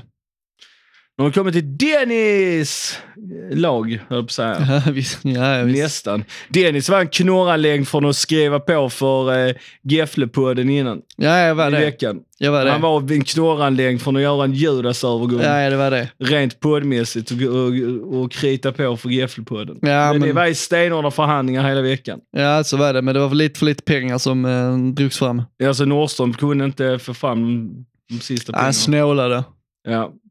Ja, men det, för er som inte vet så har ju Dennis bott i Gävle, följt Gävle på ett... Ja, men jag, som jag förstår det har du ändå haft lite koll. Ja, men det har man. Eh, varit på Strömvallen en del. Eh, Nej, inte Strömvallen så mycket. vad heter det? Det, det gamla arenan. Vad heter den nya då? Eh, Gavlevallen. Gavlevallen. Du har varit en del på Gavlevallen. Ja, det har du man gillar varit. ju deras arena för övrigt. Ja, det är en trevlig arena. Eh, vad tror du om Gävles Nybyggd. chanser då? Jag tror Gävles chanser är goda. Jag tycker Gävle har ett gediget eh, lagbygge eh, där man har man har liksom förstärkt på precis det sätt som man ska förstärka på när man är nyförvärv. Man har plockat in Adrian Edqvist från Jönköping som jag tror kommer vara en duktig offensiv spelare för dem. Sedan innan har man Leo Englund på anfallet. Leo Englund har gjort en Salleresa helt enkelt. Eh, spelat väldigt mycket division 1, varit en del i superettan utan att riktigt breaka. Varit nere i division 1 norra istället för södra som Salle var, troligtvis ännu värre. Och där blev han eh, stor hjälte för Gävle förra året när de gick upp i superettan. 22 mål på 26 matcher. Och nu följer han med dem upp och nu är ju liksom stora frågan om han, hur, hur han klarar det, det klivet. Men visst var han en ganska stor talang när han kom fram en gång i tiden? Ja, det, jo, det har han nog varit i Sundsvall för många, många år sedan. Ja. Eh, tio år sedan ungefär. ja. Eh, sen har du ju i Gävle, man har värvat Oskar och Anton Lundin. Oskar Lundin tror jag kom dit förra säsongen på sommaren. Eh, eller om det var Ant Anton Lundin kom nog dit. Eh, någon av de två bröderna Lundin kom dit för, redan förra sommaren, den andra anslöt nu under vinterfönstret. Där i får man ju väldigt mycket superettan-rutin. Det är två, två 27-åriga mittfältare som spelat, Skickliga. duktiga spelare. Ja. Mm, mm. Anton Ludin var ju nyckelspelare det Brage som höll på att ta sig till, till allsvenskan för ett par år sedan, 2019, när han gjorde 11 mål. Eh, har sedan dess gått lite sämre, varit lite skador. Men därför Gävle in jättemycket superettan-rutin som kommer vara jätteviktigt för dem. Där har man liksom två spelare som varit med på superettan väldigt länge och som kommer kunna säga rakt ut det här är- duger inte för superettan, det här duger inte, eller det här duger, det här är bra nog, det här duger inte. Alltså som kommer kunna sätta en ribba som kommer vara jätteviktigt för Gävle. Uh, så utifrån liksom värvningar så tror jag Gä- Gävle har tänkt helt rätt med liksom en Adrian Edqvist, en Oskar Lundin, en Anton Lundin och även att man ly- lyckades köpa loss Antonio Jakub som gick dit på lån förra säsongen och var riktigt bra och det var ju frågetecken kring om de skulle kunna lyckas köpa loss honom eller inte. Men de gjorde en kraftsamling tillsammans med sina supportrar och fick loss eh, Antonio Jakub. Eh, så att utifrån nyförvärv skulle jag nog säga att Gävle har gått den väg man ska gå när, när man går upp en serie. Man har värvat in rutin, där är lite talang och man har behållit de rutinerade bästa spelarna man hade förra säsongen. Och utifrån det tror jag att om Gävle får lite fart på det så har de inget att oroa sig för i år. Sen har de definitivt inget i en toppstrid att göra. Men att Gävle skulle kunna vara runt tionde platsen så är som fullt realistiskt. Men så är det ju också så här som nykomling, får de en tuff start, det går lite motigt, Leo Englund får kanske inte riktigt fart på det som man hade hoppats. Då är det genast jävligt jobbigt. Då blir det tufft direkt. Ja, men det, så är det ju för nykomling. Att- Det är frågetecknet. Det, det är ju det som är den stora frågan. Kan Leo Englund fortsätta göra mål för Gävle så, så har man hälften vunnit. Eh, Mm. Man behöver en skyttekung eh, i båda ändarna. Ska man bli ett mittenlag så behöver man kanske inte riktigt ha det. Eh, det har man ju sett ett tecken kanske på en klubb som TFF. Nu har vi inte varit en mittenklubb, men vi har inte haft den här solida målskytten. Då går man inte upp. Mm. Men är man i botten och inte har en skyttekung, då åker man ut. Ja. Så att man behöver ha igång honom. Sen så fastnar jag för att man faktiskt kryssar mot Djurgården i en träningsmatch, vilket vittnar 0-0 i den, vilket vittnar att det blir ingen lätt premiär för Trelleborgs FF nästa söndag. Nej, det That's kan, ju, it. det kan ju bli lite utsiktens styrk på den matchen. Ja. Sista klubben vi ska gå, gå igenom då, det är inga mindre än Skövde AIK. Eh, För Sveriges Stoke är Patrick John som gästade podden tidigare. ja, och min så här slut, eller min, min så här kortfattade inledning om Skövde, den är väldigt så simpel och enkel och den lyder svensexan är över, eller smekmånaden är över. Ja, svensexan vet jag inte, men... men Smekmånaden är smekmånaden är ju definitivt över, tror jag. Man har ju trygga Tobias Linderoth kvar som tränare. Eh, Det kommer ju vara Linderoth-prägel, likt Billy Magnusson i Landskrona kommer det vara Linderoth-prägel i Skövde även i år med långa inkast, fördröjs av spelet. En eh, hemmastarka på Södermalms IP. Ehm, Det kommer vara ett Skövde som, som kommer kriga in i, till den sista matchminuten för att ta poäng. Men man har tappat många spelare. Man har tappat William Granat till HBK också. Man har inte kvar den, det stora utropstecknet förra säsongen. Jack Cooper Love Mm. är inte kvar. Nej. Detta gör ju att jag blir lite så här... Mm, eh, ja, Man har ju värvat in Emil Belander, fina... är en gammal Gävle-talang. Ja. Eh, så det ska, ju, det, det ska väl helt enkelt bli Emil Belander bredvid eh, Jan Fellrath på forwarden för eh, Skövde. Det blir ett sånt riktigt Mm. murbräckaranfallspar. Det blir grisigt. Emil, Emil Belander på sina 193 centimeter vittnar ju om att Skövde tänker spela exakt samma fotboll under 2023 som de gjorde 2022. Det vill säga man ska göra mycket mål på fasta situationer och gärna nicka in ett par på sina forwards. För det är det, enda jag kan, det är det enda jag kan tänka mig med att värva en spelare som Emil Belander, att det är välskartat. Att, det är liksom, att, man, har, att man liksom har att man har tittat igenom no- den här värvningen noggrant och, och plockar in honom just för liksom längden Ja. och target-spelet. För att Emil Belander på sin höjd har varit en medioker målskytt i norrettan eh, de senaste åren. Där har du inte en historik som liksom per automatik renderar en chans i superettan. Eh, Ja, men han är värvad för något helt annat. Han är ja, värvad in i straffområdet, stångas Ja. bredvid Eh. Jan Fellrath. Eh, Fellrath ska väl ta över rollen för Jack Cooper Love, är väl tanken med målskyttet. Eh, Fellrath kom ju från en jättestark målsäsong i Trollhättan året innan han gick till eh, Skövde. Blev ju inte den målsuccén i, eh, i Skövde förra säsongen, för den snodde ju Jack Cooper Love rätt så snabbt. Eh, och, och jag tror inte Fellrath riktigt hade den rollen när, i och med att Jack Cooper Love gjorde så mycket mål och var så fruktansvärt framträdande just i målkolumnen för, för Skövde. Ehm, jag lyfter ju också William Granat som jag, eh, Viktor Granat som är skyttekung i Västerås som gick till HBK. Det är hans bror, Mm. hans yngre lillebror. Det har man ju inte heller ersatt känns det som. Nej, Eller det kan man inte man ersätta. kan inte ersätta William Granat i Skövde.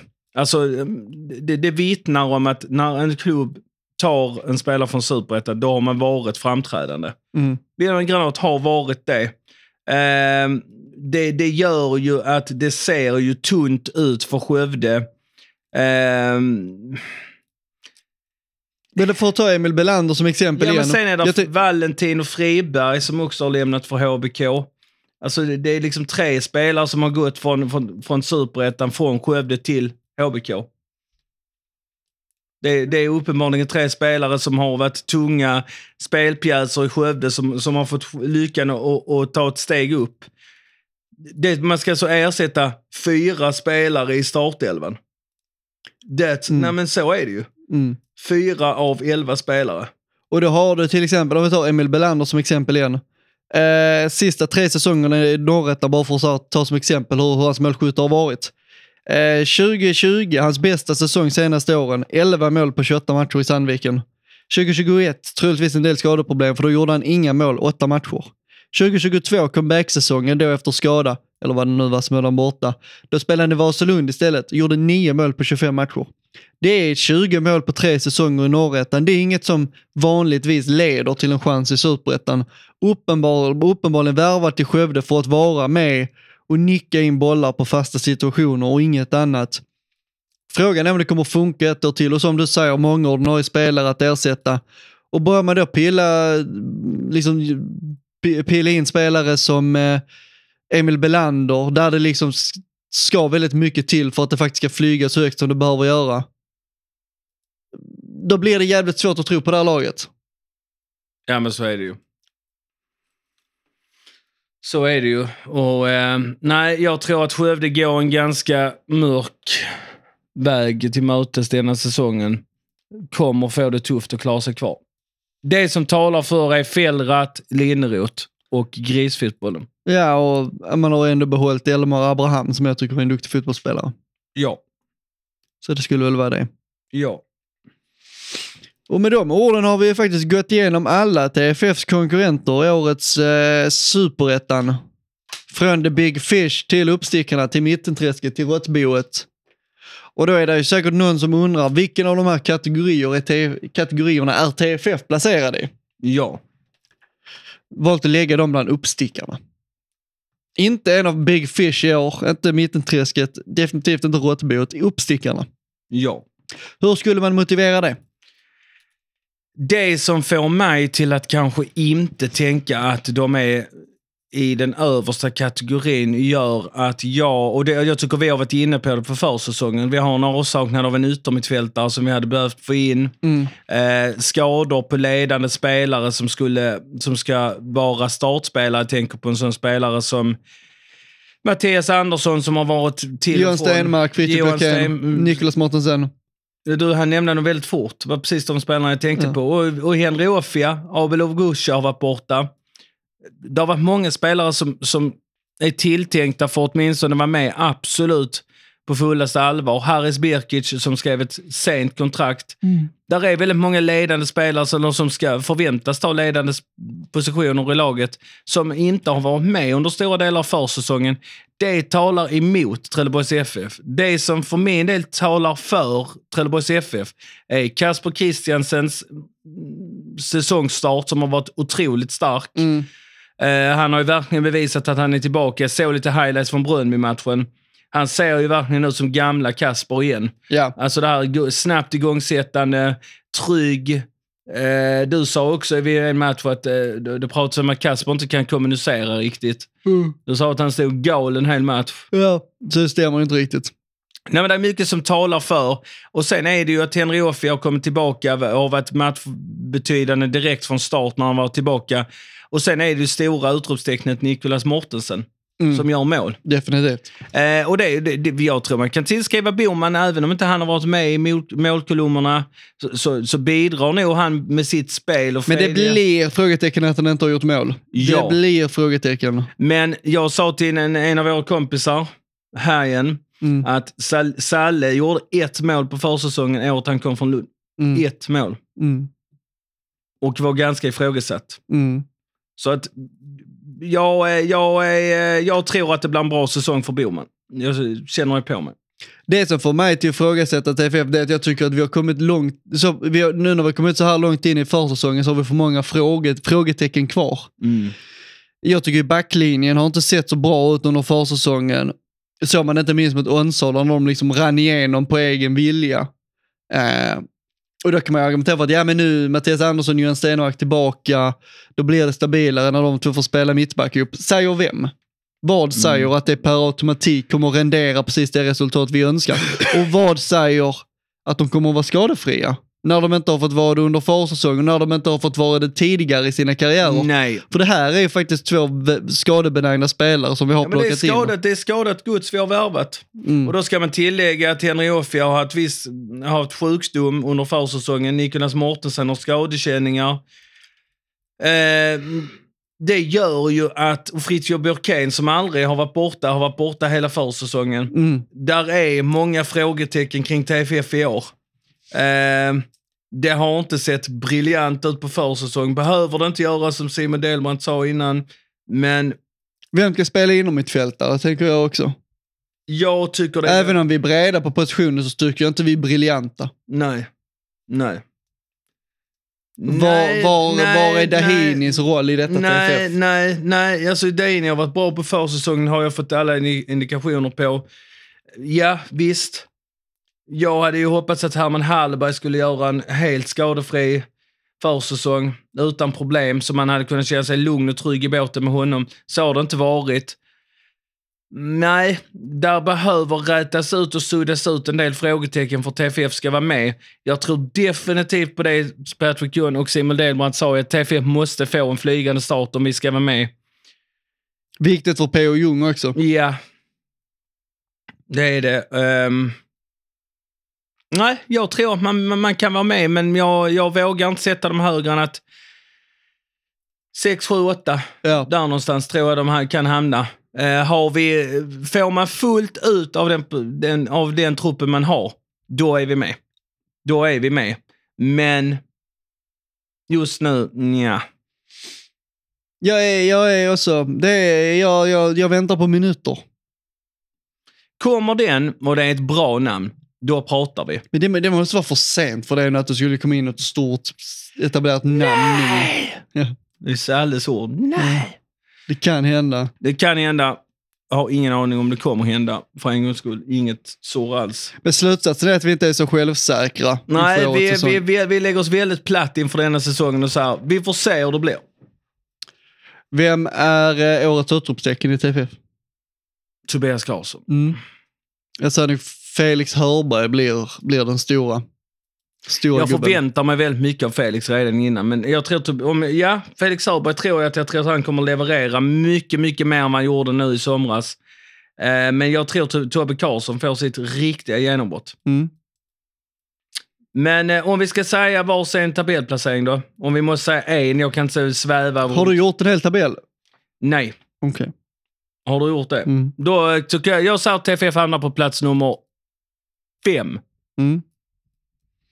Då säger jag att Superettan Då är 20... jag positiv. Ja. Jag hade kunnat säga plats sju, men jag säger plats fem för att vara positiv för en gångs skull. Då säger jag att Superettan 2023 slutar så här. Öster vinner. Mm. Sundsvall kommer tvåa. Vi är helt överens från början. Kvalplatsen kniper Gais. Nej. Fyra blir Eskilstuna. Mm. Femma blir Örebro. Sexa blir Helsingborg. Sjua Trelleborg. Åtta Gävle. Nia Örgryte. Tia Brage. Elva Landskrona. Tolv Västerås. Negativt kval övre Skövde. Negativt kval undre eh, Östersund. Femtonde plats Utsikten. Eh, sist blir Jönköping. Ja, där är vi några positionsändringar. Jag tror inte Gais kvalar. Jag tror inte de Jag tror det flyger. Nej. Nej. Det är så mycket luft i de vingarna. De flyger upp där. Mm, nej. Nej, vi är inte överens. Nej, behöver inte vara. Eh, jag tror Öster vinner. Jag tror att Sundsvall blir tvåa. Och jag tror att... Eh, jag kommer bara ta topp tre. Jag tror att eh, ÖIS blir trea. Vad tror du då om premiären om en vecka? Gävle IF på Vångavallen. 1-1. Mm. Jag har en känsla av oavgjort också, men nog mer 0-0. Det blir griset. Planen är säkert kass. Den släpper. Den är kass. Ja, kass. Den... Den är kass. släpper, som folk gillar att säga. Den släpper. Det kommer släppa som fan där uppe. Det kommer vara torrt också. Det kommer inte att regna i veckan, så det kommer vara torr plan, lite gul och den kommer släppa. Jag tror den kommer vara blöt och slibbig och det kommer vara ruggande, så här riktigt ruggigt väder. kommer ligga regn i luften. Hela jävla dagen. Hela jävla fucking jävla... Hela helgen. kommer vara ett, ett, ett stort regnmoln över. Nej, Dennis, jag känner detta är skitkul att göra. Eh, nu känner man sig aningen mör i huvudet. Vet inte hur du känner. Ja, man bara blir lite färdig. Man känner sig lite färdig. Eh, ni får gärna kommentera era tips när vi postar nyheten om vårt avsnitt. Kan vara kul att se. Kan vi kanske följa upp det i vårt första avsnitt efter seriestarten. Ja. Ser vi vad folk tror om året. Ja, det låter som en bra idé. Vi tackar så mycket för att ni lyssnar på oss. Två timmar 45 minuter blev det i år. Jag tror vårt rekord ligger på typ fyra timmar, så vi är inte riktigt där längre, men Eh, det är inte alltid eh, kvantitet eh, som gäller. Som sagt, tack för att ni lyssnar. Tack för att ni är med oss. Vi ses på Vångavallen under året. Vi är kanske inte superoptimister inför säsongen, men vi ändrar oss mer än gärna och börjar drömma om någonting större. Men tills vi har fått anledning att göra det så nöjer vi oss med femte plats och sjunde plats helt enkelt. Men vi hoppas det ändrar sig snabbt. Professor Jung finns i våra hjärtan. Vi kommer att stå lojala bredvid vår Professor Jung i år, eller hur Sebbe? Ja. Perfekt. Sorry. Det gör vi. Ha det bra allesammans. Hej!